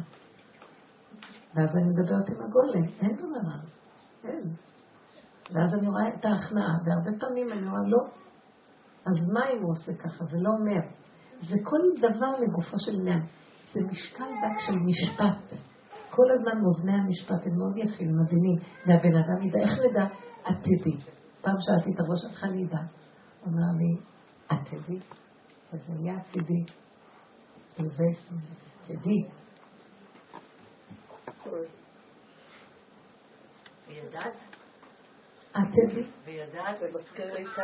יש משהו בתוך הנפש שיודע איפה האמת, כן. אני אומרת לכם, שימו לב לעצמכם, הרבה פעמים יש קושי מלווה, את לא, לא עושה נכון.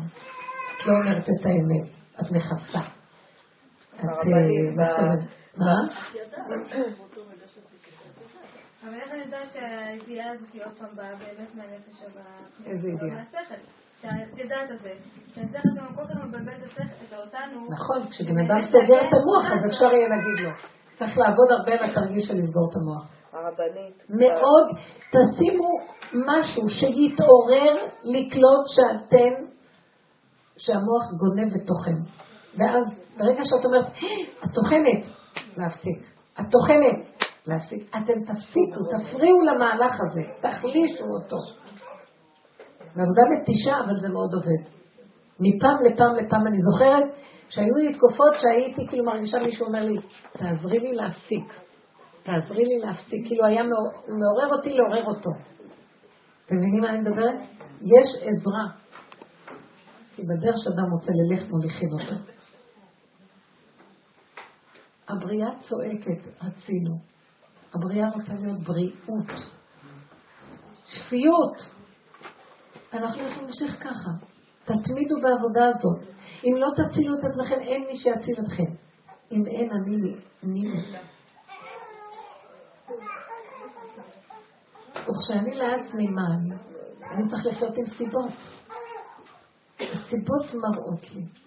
אז אני בעולם, האיש הזה פה, והאישה הזאת, והילד, והבעל, והחיים, זה סיבות שהשם שלח לי. בואו נשתמש בהן כסיבות.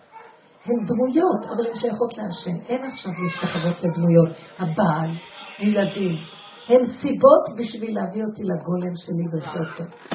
מה את אומרת? הבעל, הבעל. הבעל טהור. והלכו אחרי הבעלים ויהבלו. אחרי לידה יש סכנה מאוד גדולה עם הבעל, יש רגישות מאוד גדולה בזוגיות, אחרי הלידות. צריכים לנקות את השטח, לא להיות במחיצה. מה הכוונה לדבר עם הגולם בהכנעה? לא הבנתי לו, את כאילו משכנעת אותו. שמה? לדבר עם הגולם בהכנעה, כן, מה שאמרת מקודם, נגיד את רוצה ללכת לארומה, נכון? ואז בעלך היה אומר לך, אל תלכי, יש שלג בחוץ מטר, תשארי בבית, גולם, שב. אז את אמרת שהיית מדברת עם הגולם בהכנעה. מה זאת אומרת? למשל, הייתי רואה שבאמת אני רוצה לצאת, ובלתי אפשרי אין אוטובוס, אין מי שייקח אותי. אפשר הוא עומד. בבית, ואני לא רוצה גם... אה, יש לי איזה צד שאני רוצה לכבד אותו. יש לי תפקיד לכבד את הבעל, זה תפקיד שהתורה נותנת לנו. עכשיו, ברגע שאני, בוא נגיד, לא יצויר שהוא אמר לי, ואחר כך הלך, הלך. זה לי, אני לא חייבת לכבד אותו עכשיו. הוא הלך, מאיפה הוא ידע מה אני עושה? אז אני יוצאת החוצה, או שבדיוק הטלפון מצלצל, ומתקשרת אליי יעל, ואומרת לי, את צריכה משהו שבת, יש לי אוטו, אולי את רוצה לקנות משהו? מאה אחוז סיבה. אני עליו ידברי לא מסכים. הוא לא פה, לי יש סיבה, וה, והצורך קיים. שלום. רגע, ואחר כך... בוא נגיד שמה אה, שאני לא עושה לא הולך. אז אני אומרת לגולם שלי, אין לי יכולת. בוא נראה אותך מסדר איזה כיוון אחר. השם, אם אתה רוצה שאני אלך, תפתח לי. הציבי לך ציונים. ואיך הגולם עונה עם הבעל שואל? מה הכוונה? הלך? איך? זה כבר לא עניין. מה שהיה היה מת. קודם כל אני מאוד נזהרת שהוא לא ידע. שהדעת לא תדע מה הגולם עושה. אתם מבינים? לא הוא. שאני, לא יהיה לי מי שיציץ על הגולם. כי הגולם יש לו את החוכמה שלו, וזה שתי מלכויות שאינן נוגעות אחת בשנייה ואסור לערבב אותן. מה? אני לא מבינה מה? אני... כאילו, אם... זה כסילות שקיימת בחיי הזוגיות שאי אפשר לתאר. אי אפשר לתאר. מה, זה כאילו... אי אפשר לתאר כסילות. רבנית, תסבירי ברור, לא מבינים. כן, לא... לא? צריך להגיד. מה לא צריך להגיד? אבל הוא שאל. הוא שאל, זה לתועלת אם הוא ידע, הוא יתרגז? מה מועיל לו שהוא ידע אם הוא יתרגז? אז אני אומרת לא הלכתי? אז אני אומרת, אני לא אומרת כלום. מה, הוא נגיד- אבל. אז אני אומרת, לא, לא, לא הלכתי. מותר- לשקר אה, אה, לצורכי שלום. אני רואה שזה מרגיז אותו. למה לי? כי הוא ייתקע במוח כי הוא רוצה לשלוט? סליחה. ואם אני לא יודעת לשקר? אז תלמדי לשקר. אבל בסוף הוא יראה את זה של הישראכר. מה? בסוף הוא יראה את החיסרון אז שהוא יראה. שפעם הבאה אל תשאל אותי, אתה לא יודע שיש לי גולם, שהוא חי בפני עצמו ואין מי שישלוט עליו. יש מי שמנהל אותו וזה בורא עולם. אין בזוגיות עניין של שליטה. זה לא, לא. דיכאון. למה צריך לא. אחד לשלוט בשני? מה אכפת לך? אתה הלכת, עשית את העניין שלך, מה אכפת לך? מה אני עושה בשעה הזאת? לא נגרע ממך מאומה. אוכל באת במקום.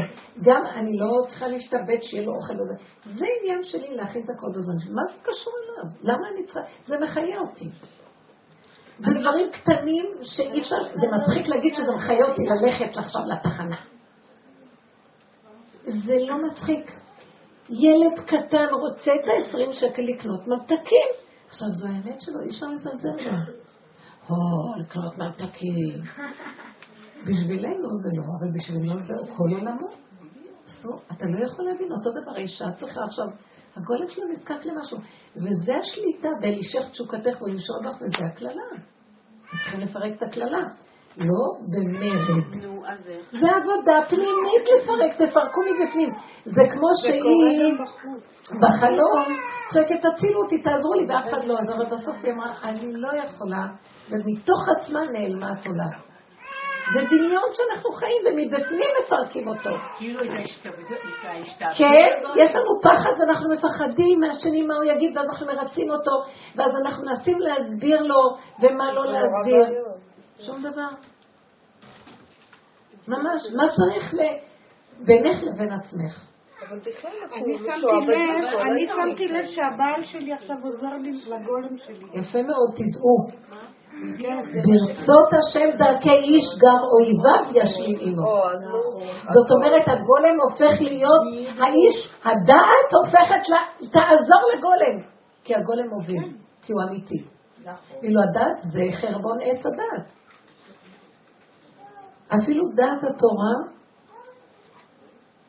יהיה מקום שהיא נשמעת לנביאות.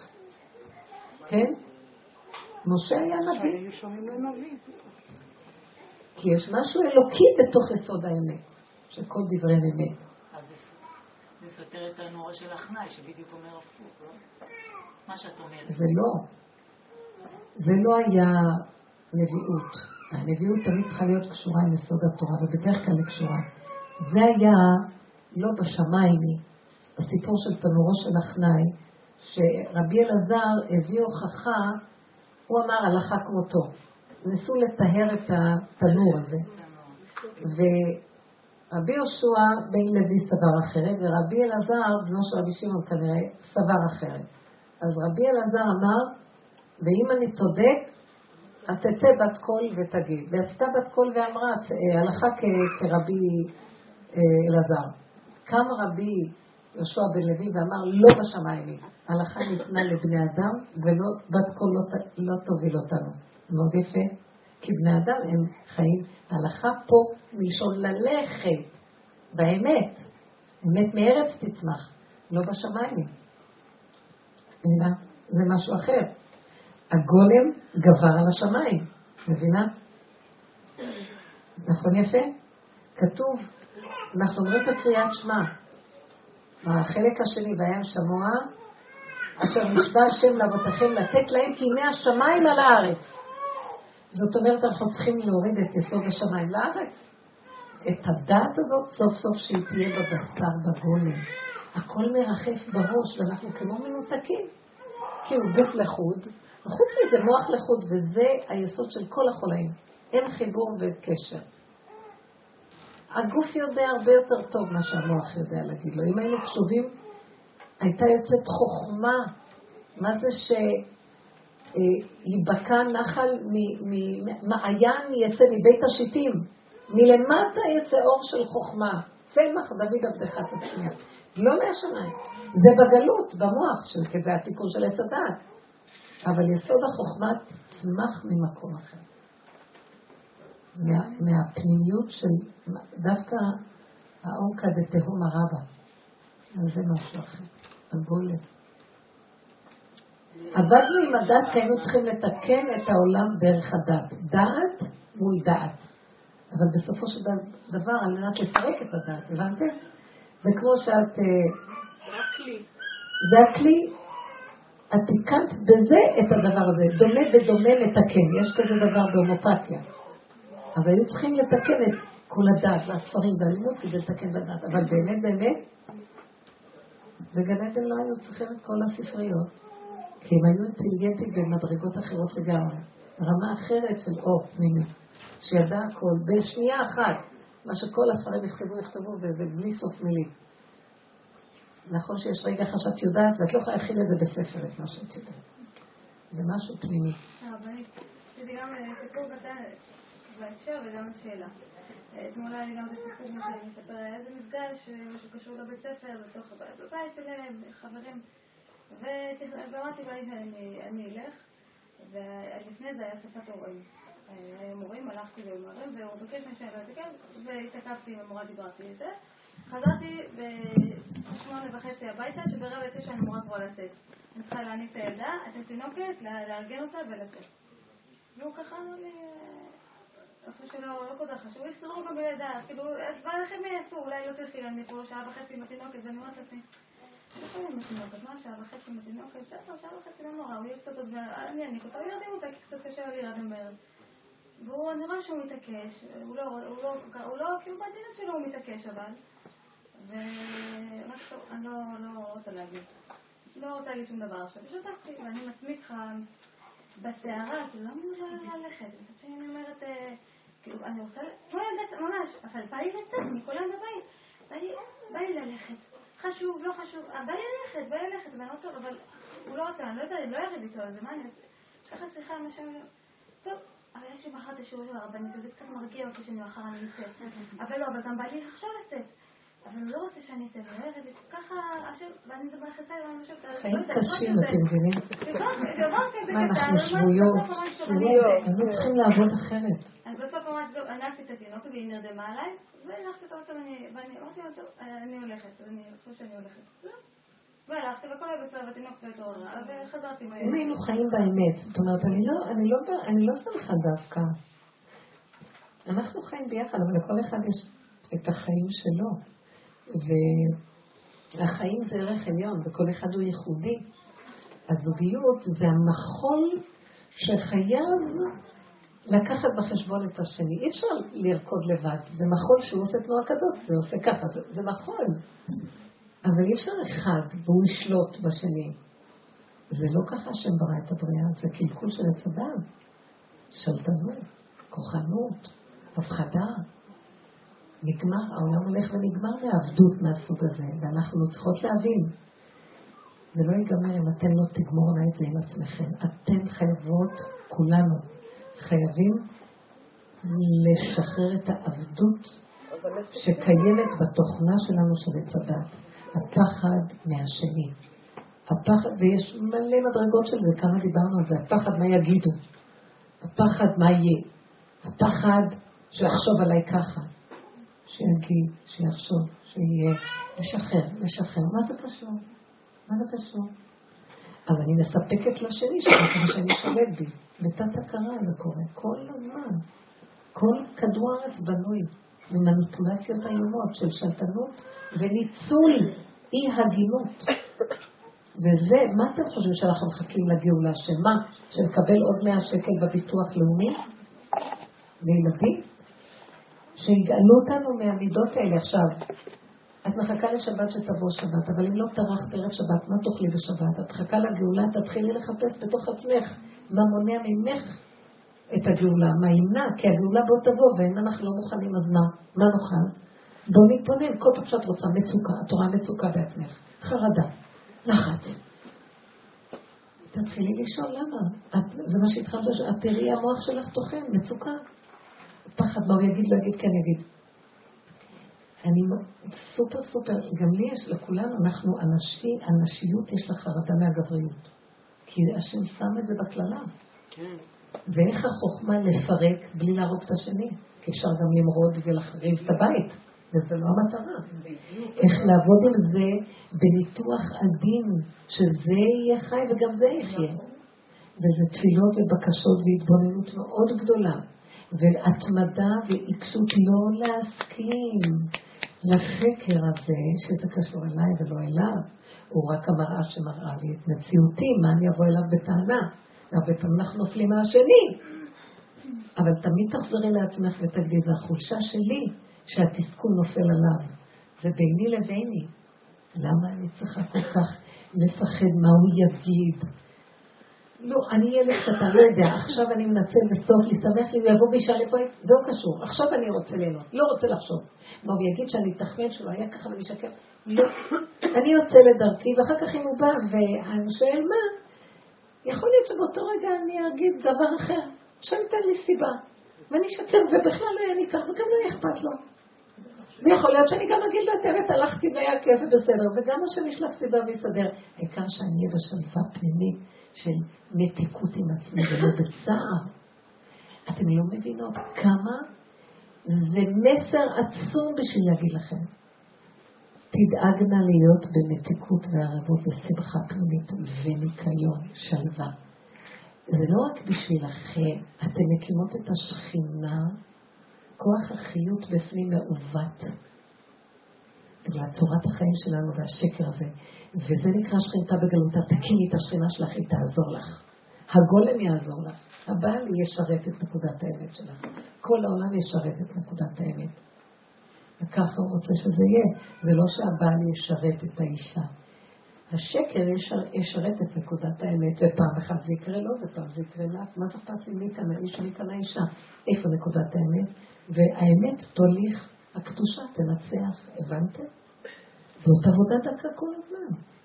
אנחנו חיים בשקר נוראי, ודפוסי חיים עלובים כאלה, להתחנחן, שהשני ייתן לי מבט ואני, הוא ייתן לי הערכה, שיש בזה כל כך הרבה אינטרסים. שום דבר כמעט לא נקי. אין אחד שייתן לשני איזה משהו שאין לו מזה משהו. שהבן אדם יתבונן. אני לא יודעת אם אפשר לשנות את זה, כמו שהיא אמרה שהתולעת הזאת אף פעם לא יוצאת מאיתנו, אבל לפחות היא יודעת את האמת. אני צועקת להשם, תעזור לי. עד שמגיע למקום שאומרת, אני לא יכולה לתקן את זה, רק אתה יכול. כי הכל כאן מעוות לא יוכל לתקון במלא שקרים, אבל לפחות היא יודעת. והיא לא מפרנסת את השקר הזה ומפחדת ומסדרת מניפולציה. תהיו אמיתיות עם עצמכם ותעבדו, אפילו הם מתכסים ומשחקים אותה בחוץ. כי למה אני אומרת שלפעמים צריך לשחק אותה בחוץ? כי לא כל דעת יכולה לסבול את האמת. למה לך לצייר בן אדם שלא יכול לסבול את האמת? הלכתי לתחנה, בשביל מה אני צריכה להרגיז אותו? מה אכפת לו איפה הייתי? מה יש לו מזה שהוא יודע או לא יודע? סתם להרגיז לו את הדעת? טוב לו שלא ידע מה שידע. למה? זו חוכמה גדולה, לא להגיד לבן אדם השני שלא יכול להבין ולא יכול לקבל משהו. מה, איזה עניין של אמיתיות? סיפרה לי איזה מישהי ש... שבמהלך שהציעו שידוך, הבן שלה למישהי, אז, אז סוף סוף היא, השטחנית ניהלה את השידוך, ובסוף אמרה האימא של הבן שהיא רוצה לדבר עם האימא של הכלה סוף סוף. די, כבר אמרו את כל התנאים והכל. אז האימא של הבן אומרת לאימא של הכלה, תראי, עכשיו אני כבר מוכרחה, עד כה לא הייתי בתמונה, אבל עכשיו כשאני ארגיש אמת עם עצמי, אני מוכרחה להגיד את כל האמת. ואז התחילה ללכלך על, הב... על הבן שלה, ולהגיד דברים שנשמעו הכי גרועים שבעולם. ואומרת לה, כי תראי, אני חייבת להגיד לך את האמת, ועכשיו אתם תחליטו. אותה אימא סיפרה לי ואמרה לי, כסילות שכזאת, הרגיזה אותי הכסילות שלה. קודם כל, למה לא אמרת לי את זה לפני השידוך? תגידי לשטחנית להגיד את כל הדברים, והיינו מרפים ביניכם. מה את עכשיו אומרת? ומה את חושבת שאת כזאת אמיתית, שהשפעת כזאת אמת? זה נראה אמת אכזרית וטיפשית, ואת מלכלכת על הבן שלך.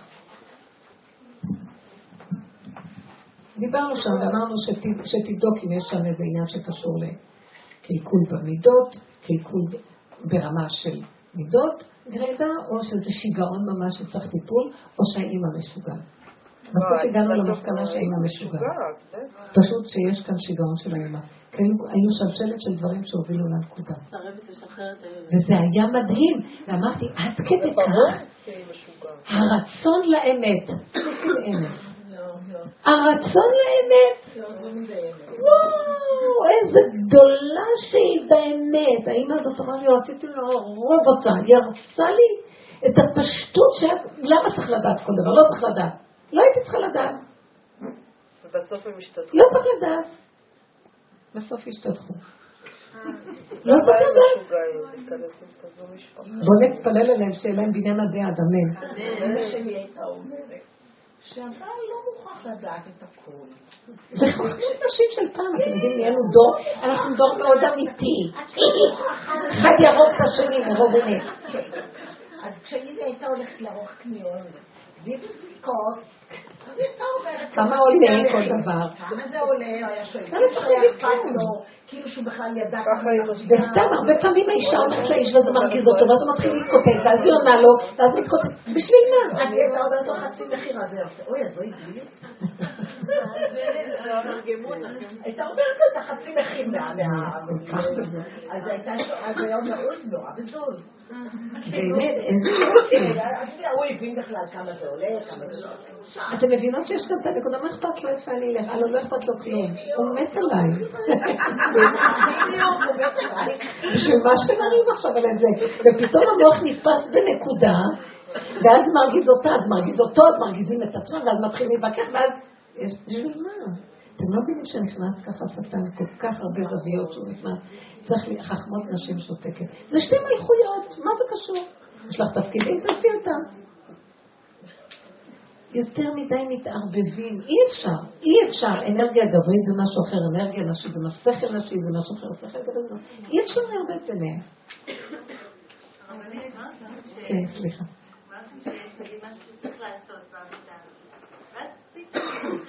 לגלות שיש כל מיני דקויות וכל מיני דברים שהם דברים. לא המשפחה, לא ילדים, אבל דברים פשוט טכניים שצריך לעשות אותם. מבטלים את המתיקות בתוך הלב, כי, כי לא בא לך עכשיו לשבת על זה שעה, שעתיים, שלוש, וזה כאילו הכרחי למציאות כרגע של הטכנית הזאת של העבודה, של ההתקיימות. נו, וזה לא מתאים, אז מה עושים? כן, דברים שנגיד, אה, סתם, אה, תני דוגמה. עכשיו משווקת את ה... אני משווקת קורס עכשיו, אני צריכה להוציא פלייר. אני מוצאת את עצמי בדיונים עם השותפה שלי על התמונה ועל הזווית ועל הרקע ועל זה, וזה פשוט... קולטת שזה פשוט מעיק עליי. אז תעשי את זה הכי בפשטות. תני לה להחליף. הכי בפשטות, כי אף אחד לא מסתכל. הזמנה לחתונה. שיהיה כתוב ככה, ויהיה כתוב ככה. בסוף את קוראת את ההזמנה, את כותבת לך שזה, וזה נזרק לפח. לא, עם זהב, ועם אה, נקודות, ואוי, לא, כאן הנקודות, הנקודות פה. מציע. מה זה הפלייר, לא הפלייר. תראי, השאלה היא כזאת, לפעמים זה, זה יצירתי, אמנותי, טוב לך לעשות את זה, לא. מציק לך? תמיד תשאלו את השאלה, מה יש לי מזה? אני צריך ליהנות. אני נהנה, על כי לא עבדת את השם אלוקיך בשמחה ובטוב לבב מרוב כל. ידרשו מאיתנו. נתתי לך הכל, למה אתה לא נהנה בעולמי? בזה אתה מכריז שאיזה עולם בראת השם. בראתי עולם נפלא, תגידו לי. בראתי עולם טוב, תהנו ממנו. אם אני אומר שאני במצוקה ממשהו, מה שווה לי? זה נכון, זה מין מחשבה. אה, מי אני רוצה להרשים? אני מוציאה כל כך הרבה אנרגיה על כל מיני איזה התעקשויות שהן נובעות מאיזה כפייתיות שקיימת אצלי בדמיון שלי על איזה דבר, שאף אחד לא שם לב אליו. אז טוב שנתבונן, בוא נפרק. למה אני צריכה להשתעבד למשהו? כסף יהיה לי מזה, בוא נגיד, איזה תועלת יש לי מזה? זה אפילו לא ענה כלום, אז למה לי? את אותו כסף אני אקבל אם אני לא אעשה ככה. אם האדם מתבונן ואומר, אנחנו עבדים, התולעת הזאת משוגעת, היא משגעת אותנו, היא חודרת דודה, נכנסת בפנים והיא עושה, ככה אומרים, למדתי הרבה מילים ככה, פה. זה באמת, תבינו, זה חופר, ולא צריך את זה. אנחנו נאחזים בתולעת. פתאום הבנתי ש... למה למה היא הלכה? כי היא הפסיקה, היא עזבה. הפסיקה להיאחז בה. יפה. מאוד יפה. ובסך הכל, אתם יודעים מה? התולעת לא קיימת, כלום לא קיים. עץ הדעת הוא דמיון, אבל הוא מין דמיון שאנחנו צריכים להגיע למסקנה שהוא לא קיים. מה יביא אותנו? מה המסקנה שהכי תעזור לנו? האיסורים. שימו לב כמה סבל אנחנו עוברים, אל תוותרו על הערך של האיסורים והכאבים. תחשבנו אותם, תגידי ככה וככה. עכשיו אני אומרת לה, אני מדברת עם השם, לו, השם תזכור לי שלמשל, היה לי מאוד קשה, שהיה שלג והיה י' בטבת. נו, השם, תזכור, שבי' בטבת הורדת שלג כזה, והבן אדם רוצה כוס תה, כוס קפה עם שלג מדהים. איזה מין ענה יש בשלג שאין לך משהו חם לשתות? תזכור לך. ככה עשית לי? תרשום, תרשום שסבלתי נורא. נורא סבלתי, השם יחשוב לי, תחשיב לי. כן, למה, למה, מה, אני פריירית פה? רוצה ליהנות, רוצה לשמוח, ואת השלג. מה זה שיש לי את בטבת? כפית עליי הר כגיגית, אבל אני בכל אופן מדבר אליך, זה לא פייר, עד מתי? איך את יכולה להסביר מציאות כמו שאני למשל חוויתי, אה, לא עבדתי הרבה שנים, וחזרתי לעבוד אחרי שהרבה שנים, החלטתי לצאת ככה קצת, אחרי שלא עבדתי כמה שנים טובות. וכשהתחלתי לעבוד, ממש לא נהניתי מזה, למרות שמה שאני עושה אני מאוד אוהבת. ולא נהניתי מזה, ממש סבלתי. ושיתפתי את הנשים ואמרתי להם, תשמעו, אני לא נראה לי שאני מחזיקה במקום להמשיך לעשות את מה שאני עושה. אני צריכה שתחזקו אותי, כי אחרת אני מפסיקה עם זה. והם חיזקו אותי אמנם, אבל ראיתי שאחרי, כאילו הייתי צריכה להתרגל, ל, ל, זאת אומרת להתרגל לצאת לעבוד. ואחרי מספר פעמים פתאום יכולתי ליהנות ממה שאני עושה שוב. בטח. וגם... אבל את לא, כי אני לוקחת את זה למקום. איך תדעי מה אני נהנית, מה לא. כן, כי את אומרת, את לא צריכה לסבול, אבל אני הרגשתי סבל בפעמים הראשונות. אני חוויתי סבל, קושי. כי זה גם לפעמים קושי להיפרד ממשהו אחר.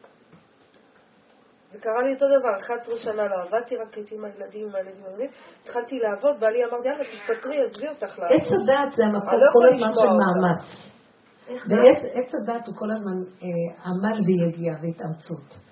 בסופו של דבר מתרגלים ונהיים עבדים, וכבר גם נהנים להיות עבדים. אז אתה כבר לא יודע מה רגע, אם היינו מתבוננים בעבודת האמת, אפילו רגע אחד אסור שנסבול. אבל התרגלנו, אז בסוף נהנים, אתם יודעים? אז מה בעצם קרה? מה, התרגלתי? כן. לא, אני זה רק פעמיים שלוש. איך יכולתי להתרגל? מה זאת אומרת התרגלת? הכרחת את עצמך, ויש מקום, אם דבר דוחה ואת לא רוצה, וברבות לא, הזמן...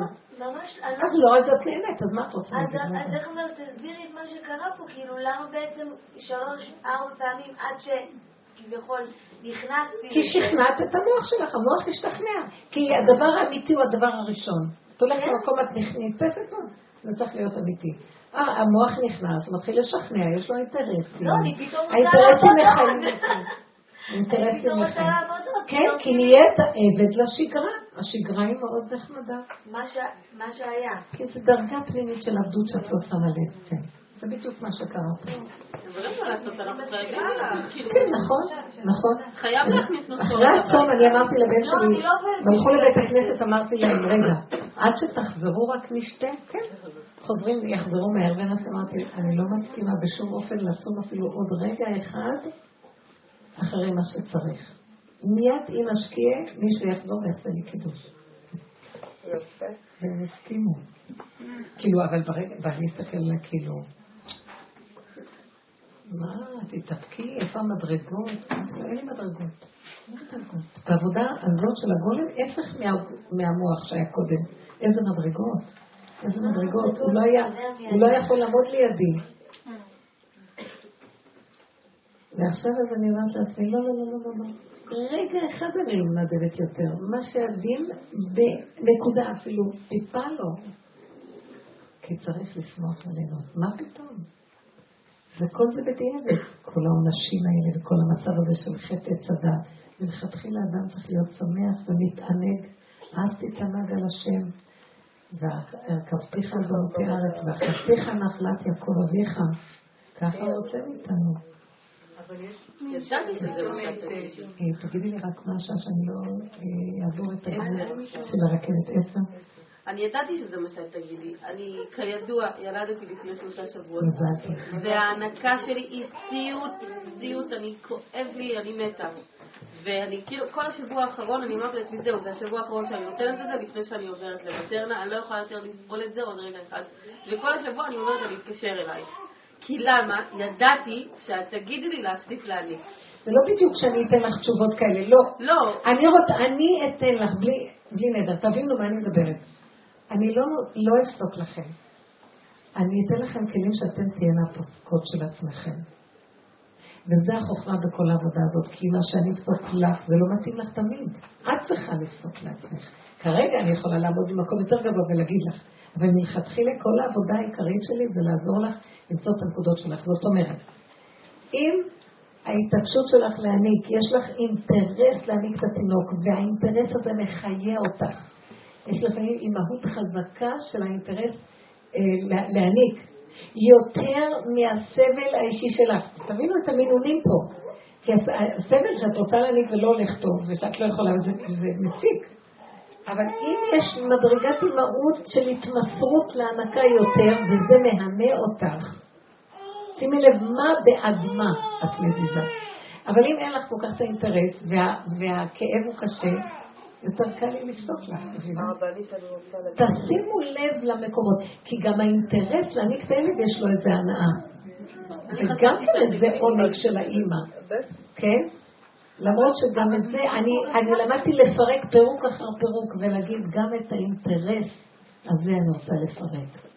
יש מי שייתן לתינוק בקלות, במתיקות את האוכל שלו.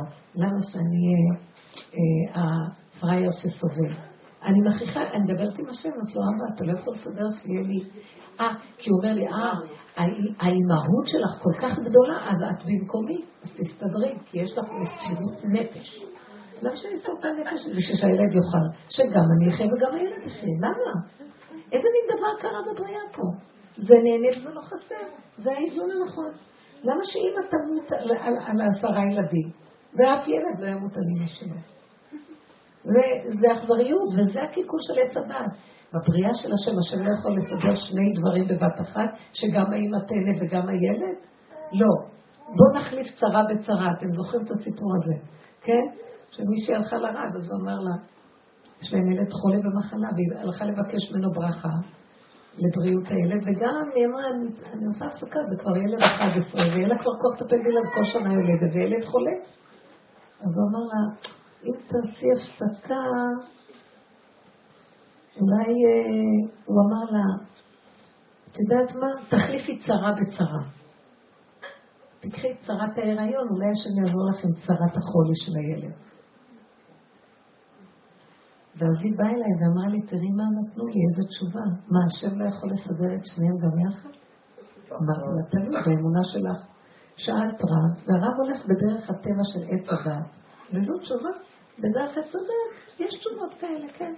כי אין לי רק או זה, או זה, או זה, או זה, או זה, או זה. אבל אצל השם יתברך, הכל יכול. ומי שאמר לשמן שידלוק יגיד לחומץ וידלוק ותלוי בנו, אם אנחנו הולכים בזה מאמינים. כתוב בפסוק, אם תשמע בקול השם אלוקיך וישר בעיניו תסב, אז ענתה לי מצוותיו, שמרת כל חוקיו, כל המחלה ששמתי לאפרים לא אשים עליך כי אני השם רופאך. זה כתוב בסוף פרשת משפטים. בתחילת משפטים כתוב על אה, אדם שמכה את השני ואחר כך גורם לו נזק, אז הוא צריך לשלם לו נזק, בושת, ריפוי, צער וכן הלאה. אז הוא אומר שם על הרופא, ושבטו ייתן ורפו ירפא. צריך לתת לו דמי ריפוי. אז רש"י אומר, מכאן שניתנה רשות לרופא לרפא, ורפו ירפא. מאיפה רש"י לומד שעל המילה ורפו, ושבטו ייתן, ורפו ירפא? רש"י אומר, מכאן שניתנה רשות לרופא לרפא. מאיפה רש"י לוקח את זה? רש"י חכם. המילה פעמיים רפו ירפא. אז הוא אומר בטבע, הרופא יכול לרפא מערכה אחת, אבל כן, כן, מערכת אחרת. ואילו אני השם רופאך פעם אחת, הוא יכול לרפא ולסדר את כל המערכות ולא יהיה נזק. אז למה אני לא הולכת בדרכיהם? וזה קשה, כי זה עץ הדת. עץ הדת זה תמיד עוד דבר והיפוכו. תולעת עם שני ראשים. כן. באותו עניין ש... שהיא דיברה עליו, לנושא של הנקה, אז בלידה האחרונה אני ממש עמדתי בתוקף שזהו, אני לא מניקה יותר. והרגשתי שזה האמת שלי. וניסו לבלבל אותי וניסו לשכנע אותי, ולא עזר כלום. אמרתי, אני לא מניקה הפעם, זה מעבר לכוחות שלי. לקחתי כדורים להפסקה של החלב, הכל. כאילו הרגשתי, וואי, מה אני עושה פה? אבל ממש הלכתי על זה כמו... כאילו, אין, אני... כן, תניחו לי כבר. לא יכולה כבר, די, אין לי אוויר. ובסוף מה שקרה, שדווקא הילד הזה, הוא הכי ככה בי כל היום, והוא רוצה לישון איתי, ואם הוא לא ישן איתי, אנחנו מעבירים אותו למיטה. אולי בגלל שלא ינקה. אחרי שתי דקות, אחרי שתי דקות הוא מתעורר והוא צורח, הוא רוצה רק אותי, והוא כבר בן שלוש וחצי, ואני כבר... כן. את יודעת שכל העבודה היא לא להגיד מה לעשות. הקשר שלך עם בורא עולם, עם התודעה היותר גבוהה, במצוקה שלך, שאת לא יודעת מה לעשות. קל לי להגיד לך מה לעשות. אתם יודעים, זה לא חוכמה ללכת לפוסק, כי בהלכות ובדינים אין לנו ברירה. אבל תלמיד חכם, החוכמה שלו זה שהוא ילמד כדי שהוא אחר כך יוציא פסק לאחר. החוכמה שלנו זה להשתמש במאורעות החיים שהחוכמה הפנימית שלך תיתן לך מה לעשות, ואז זה התשובה הכי נכונה. אז אני חושבת בדעת שלי, הדעת המקולקלת או לא מקולקלת, אני אומרת, בוא'נה, ארבעה בנים הענקתי. כולם נורמליים, אף אחד לא ישן איתי במיטה, הכל בסדר. בדעת שלי אמרתי לעצמי, אני לא מניקה כי אני לא רוצה את החנק הזה. ואני חיה את החנק הזה עד עכשיו. אז זה כאילו הפוך על הפוך. ניסיתי לברוח, לא עזר לי, התיקון הזה... לא אמרתי, זה לא עניין של לברוח כדי לעשות ככה במקום ככה, זה לקחת את הנקודה ולהביא אותה לדיבור בתודעה העליונה. ריבונו שלום, אם אני אברח, אוי לי מזה ואוי לי מזה. תרחם עליי, כי למה אני רוצה לברוח? כי יש לי מצוקה. תדברו עם השם, דיבורים. לי מצוקה, אין לי כוח להאמין ככה. אני שומעת את הצעקות שלי, זה כל הזמן יהיה תלוי, אז תרחם עליי ותיתן לי, או שתיתן לי שזה יהיה ברכות, ושזה לא יציק לי, ושיהיה שפע ושיהיה במתיקות וערבות. או שאני לא, אני תהיה מטרנה במקום ואני אהיה רגועה, והילד יהיה רגוע גם. זה לדבר, האמנתי כי אדבר. זה לפרק על ידי הדיבורים. כי אז השם ייתן לך סיבה ויהיה לך, את תדעי מה לעשות. תפרקו, תפתחו, תגידו. זה כמו שאת הולכת לפני פוסק, התודה יותר גבוהה, ותביא. זה לא, את לא הלכת אליו, אז את עם עצמך החלטת. לא, אני אעשה ככה וזהו. יכול להיות שאת לא שמת לב שהיו לך גם ניסורי מצפון, שדחקת אותם פנימה. או היו לך, לא יודעת מה, איזו התנהגות של כעס פנימי ממשהו שלא פירקת ואת זה הילד קולט. את לא שמה לב, יש כל מיני דברים שצריכים לפרק אותם. תלמדו, הדרך הזאת היא לפרק את ההצקות, וכל פעם זה הולך למדרגה יותר דקה ויותר דקה, כשאת מגלה, כמו שהיא אמרה, התולעת הזאת לרגע נהפכה לגרב, פתאום היא ראתה שזה הפך להיות שרוול, פתאום היא בכל מקום מופיעה. הוא מערב אותנו בכל כך הרבה צורות, ואנחנו לא יכולים לו, אבל אנחנו יכולים להגיד, כרגע שלחת לי התנגדות חזקה להנקה, אבל הילד הזה, אני יכולה להחליט לא להעניק, יש התנגדות חזקה. תמיד, כל מה שאני מנסה לעשות עם ההרגשים של הגולם, זה מלווה בדיבור עם השם. בתחנונים, בבקשה, תעזור, תוביל אותי. הורני השם דרכך, לך מעמיתך. כל התהילים זה דיבורי הגולם. וזה מה שהחיה דוד המלך. כי גולם לבד, מאיפה החיות? הדיבור מחיה. הוא נותן תנועה. אתם יודעים שהאותיות זה תנועה, הדיבור זה תנועה. זה תנועה, זה תזוזה. היא, התנועות, היצורים, כן? הנקודות זה מה שנקרא תנועות. זה הגלגלים של האותיות, הן מניעות את האותיות. היא, אה, הוא, אה, אז האות זזה. זה יפה, תדברו, תנועו. לא להישאר סטגננט כזה, כזה, תקיעות, לא רוצה. יש משהו שתלמדו לפרק עם עצמכם. תלמדו לחפש במבואות של עצמכם כדי להוציא את הלכלוך שאחר כך הוא לא יעשה שם שורשים. יכול להיות שזה מה שקרה שם קצת עם הילד. כאילו הוא הרגיש כאילו תנועה של דחייה, אתם מכירים זה? לא, בא לי וזהו. אתם מכירים מין נקמנות כזאת? וזהו. יכול להיות שיש משהו שם שהוא הרגיש. יכול גם לפרק את זה בעדינות, עם השם אין לי כוח. זו האמת שלי. אין לי כוח כבר. אז אם אתה רוצה שאני לי שיהיה לי ברכות, בקלות, שאני לא ארגיש מעמסה ולחץ וקוצר רוח. או שאני גם אוכל לתת מתנה ולא לו שום איזה, דורות שלמים גודלים על זה, אז מה לעשות? אבל לדבר, לדבר, ואחר כך תראי סיבות. הרבה פעמים אני אחרי הדיבורים רואה סיבות. ממש רואה סיבות. סיבות. מתיקות וסיבות. זו דרך עדינה, זו דרך דקה, זו דרך של גדולי עולם היו ככה עובדים פעם. ועכשיו זה מונח במכירת סוף עונה לכל מי שרק רוצה יבוא וייטול. זו מדרגה של התבוננות, מדרגת האדם. למה לחיות כמו איזה המומים שעושים כל היום פעולות, תפקודיות? כמו איזה עכברים אנחנו נראים. רצים, רצים, רצים, רצים. אבל מדרגת הנפש, התנועה צריכה להיות בנפש. בנפש יש שכל, יש מתיקות, יש ערבות, יש מעניין מאוד, יש קולטנות, יש אינטליגנציה מדהימה. זה נותן תוכן בחיים שלא תלוי מה שאני יגיד לי ומה עשיתי היום, ואיפה הלכתי לבלור. יש תוכן פנימי לחיים. למה לא לשאוף למקומות האלה? מה החיים שלנו? מה אנחנו כל היום משכילים בספרים והתארים האלה? ריק מתוכן, אין אמת, אין פנימיות, אין התבוננות, אין חוכמה. החוכמה הלכה לאבדון, חכמות נשים, איפה זה? זה דבר ידוע, חכמות נשים. בגלל זה הבתים נראים ככה ריק, משעמם.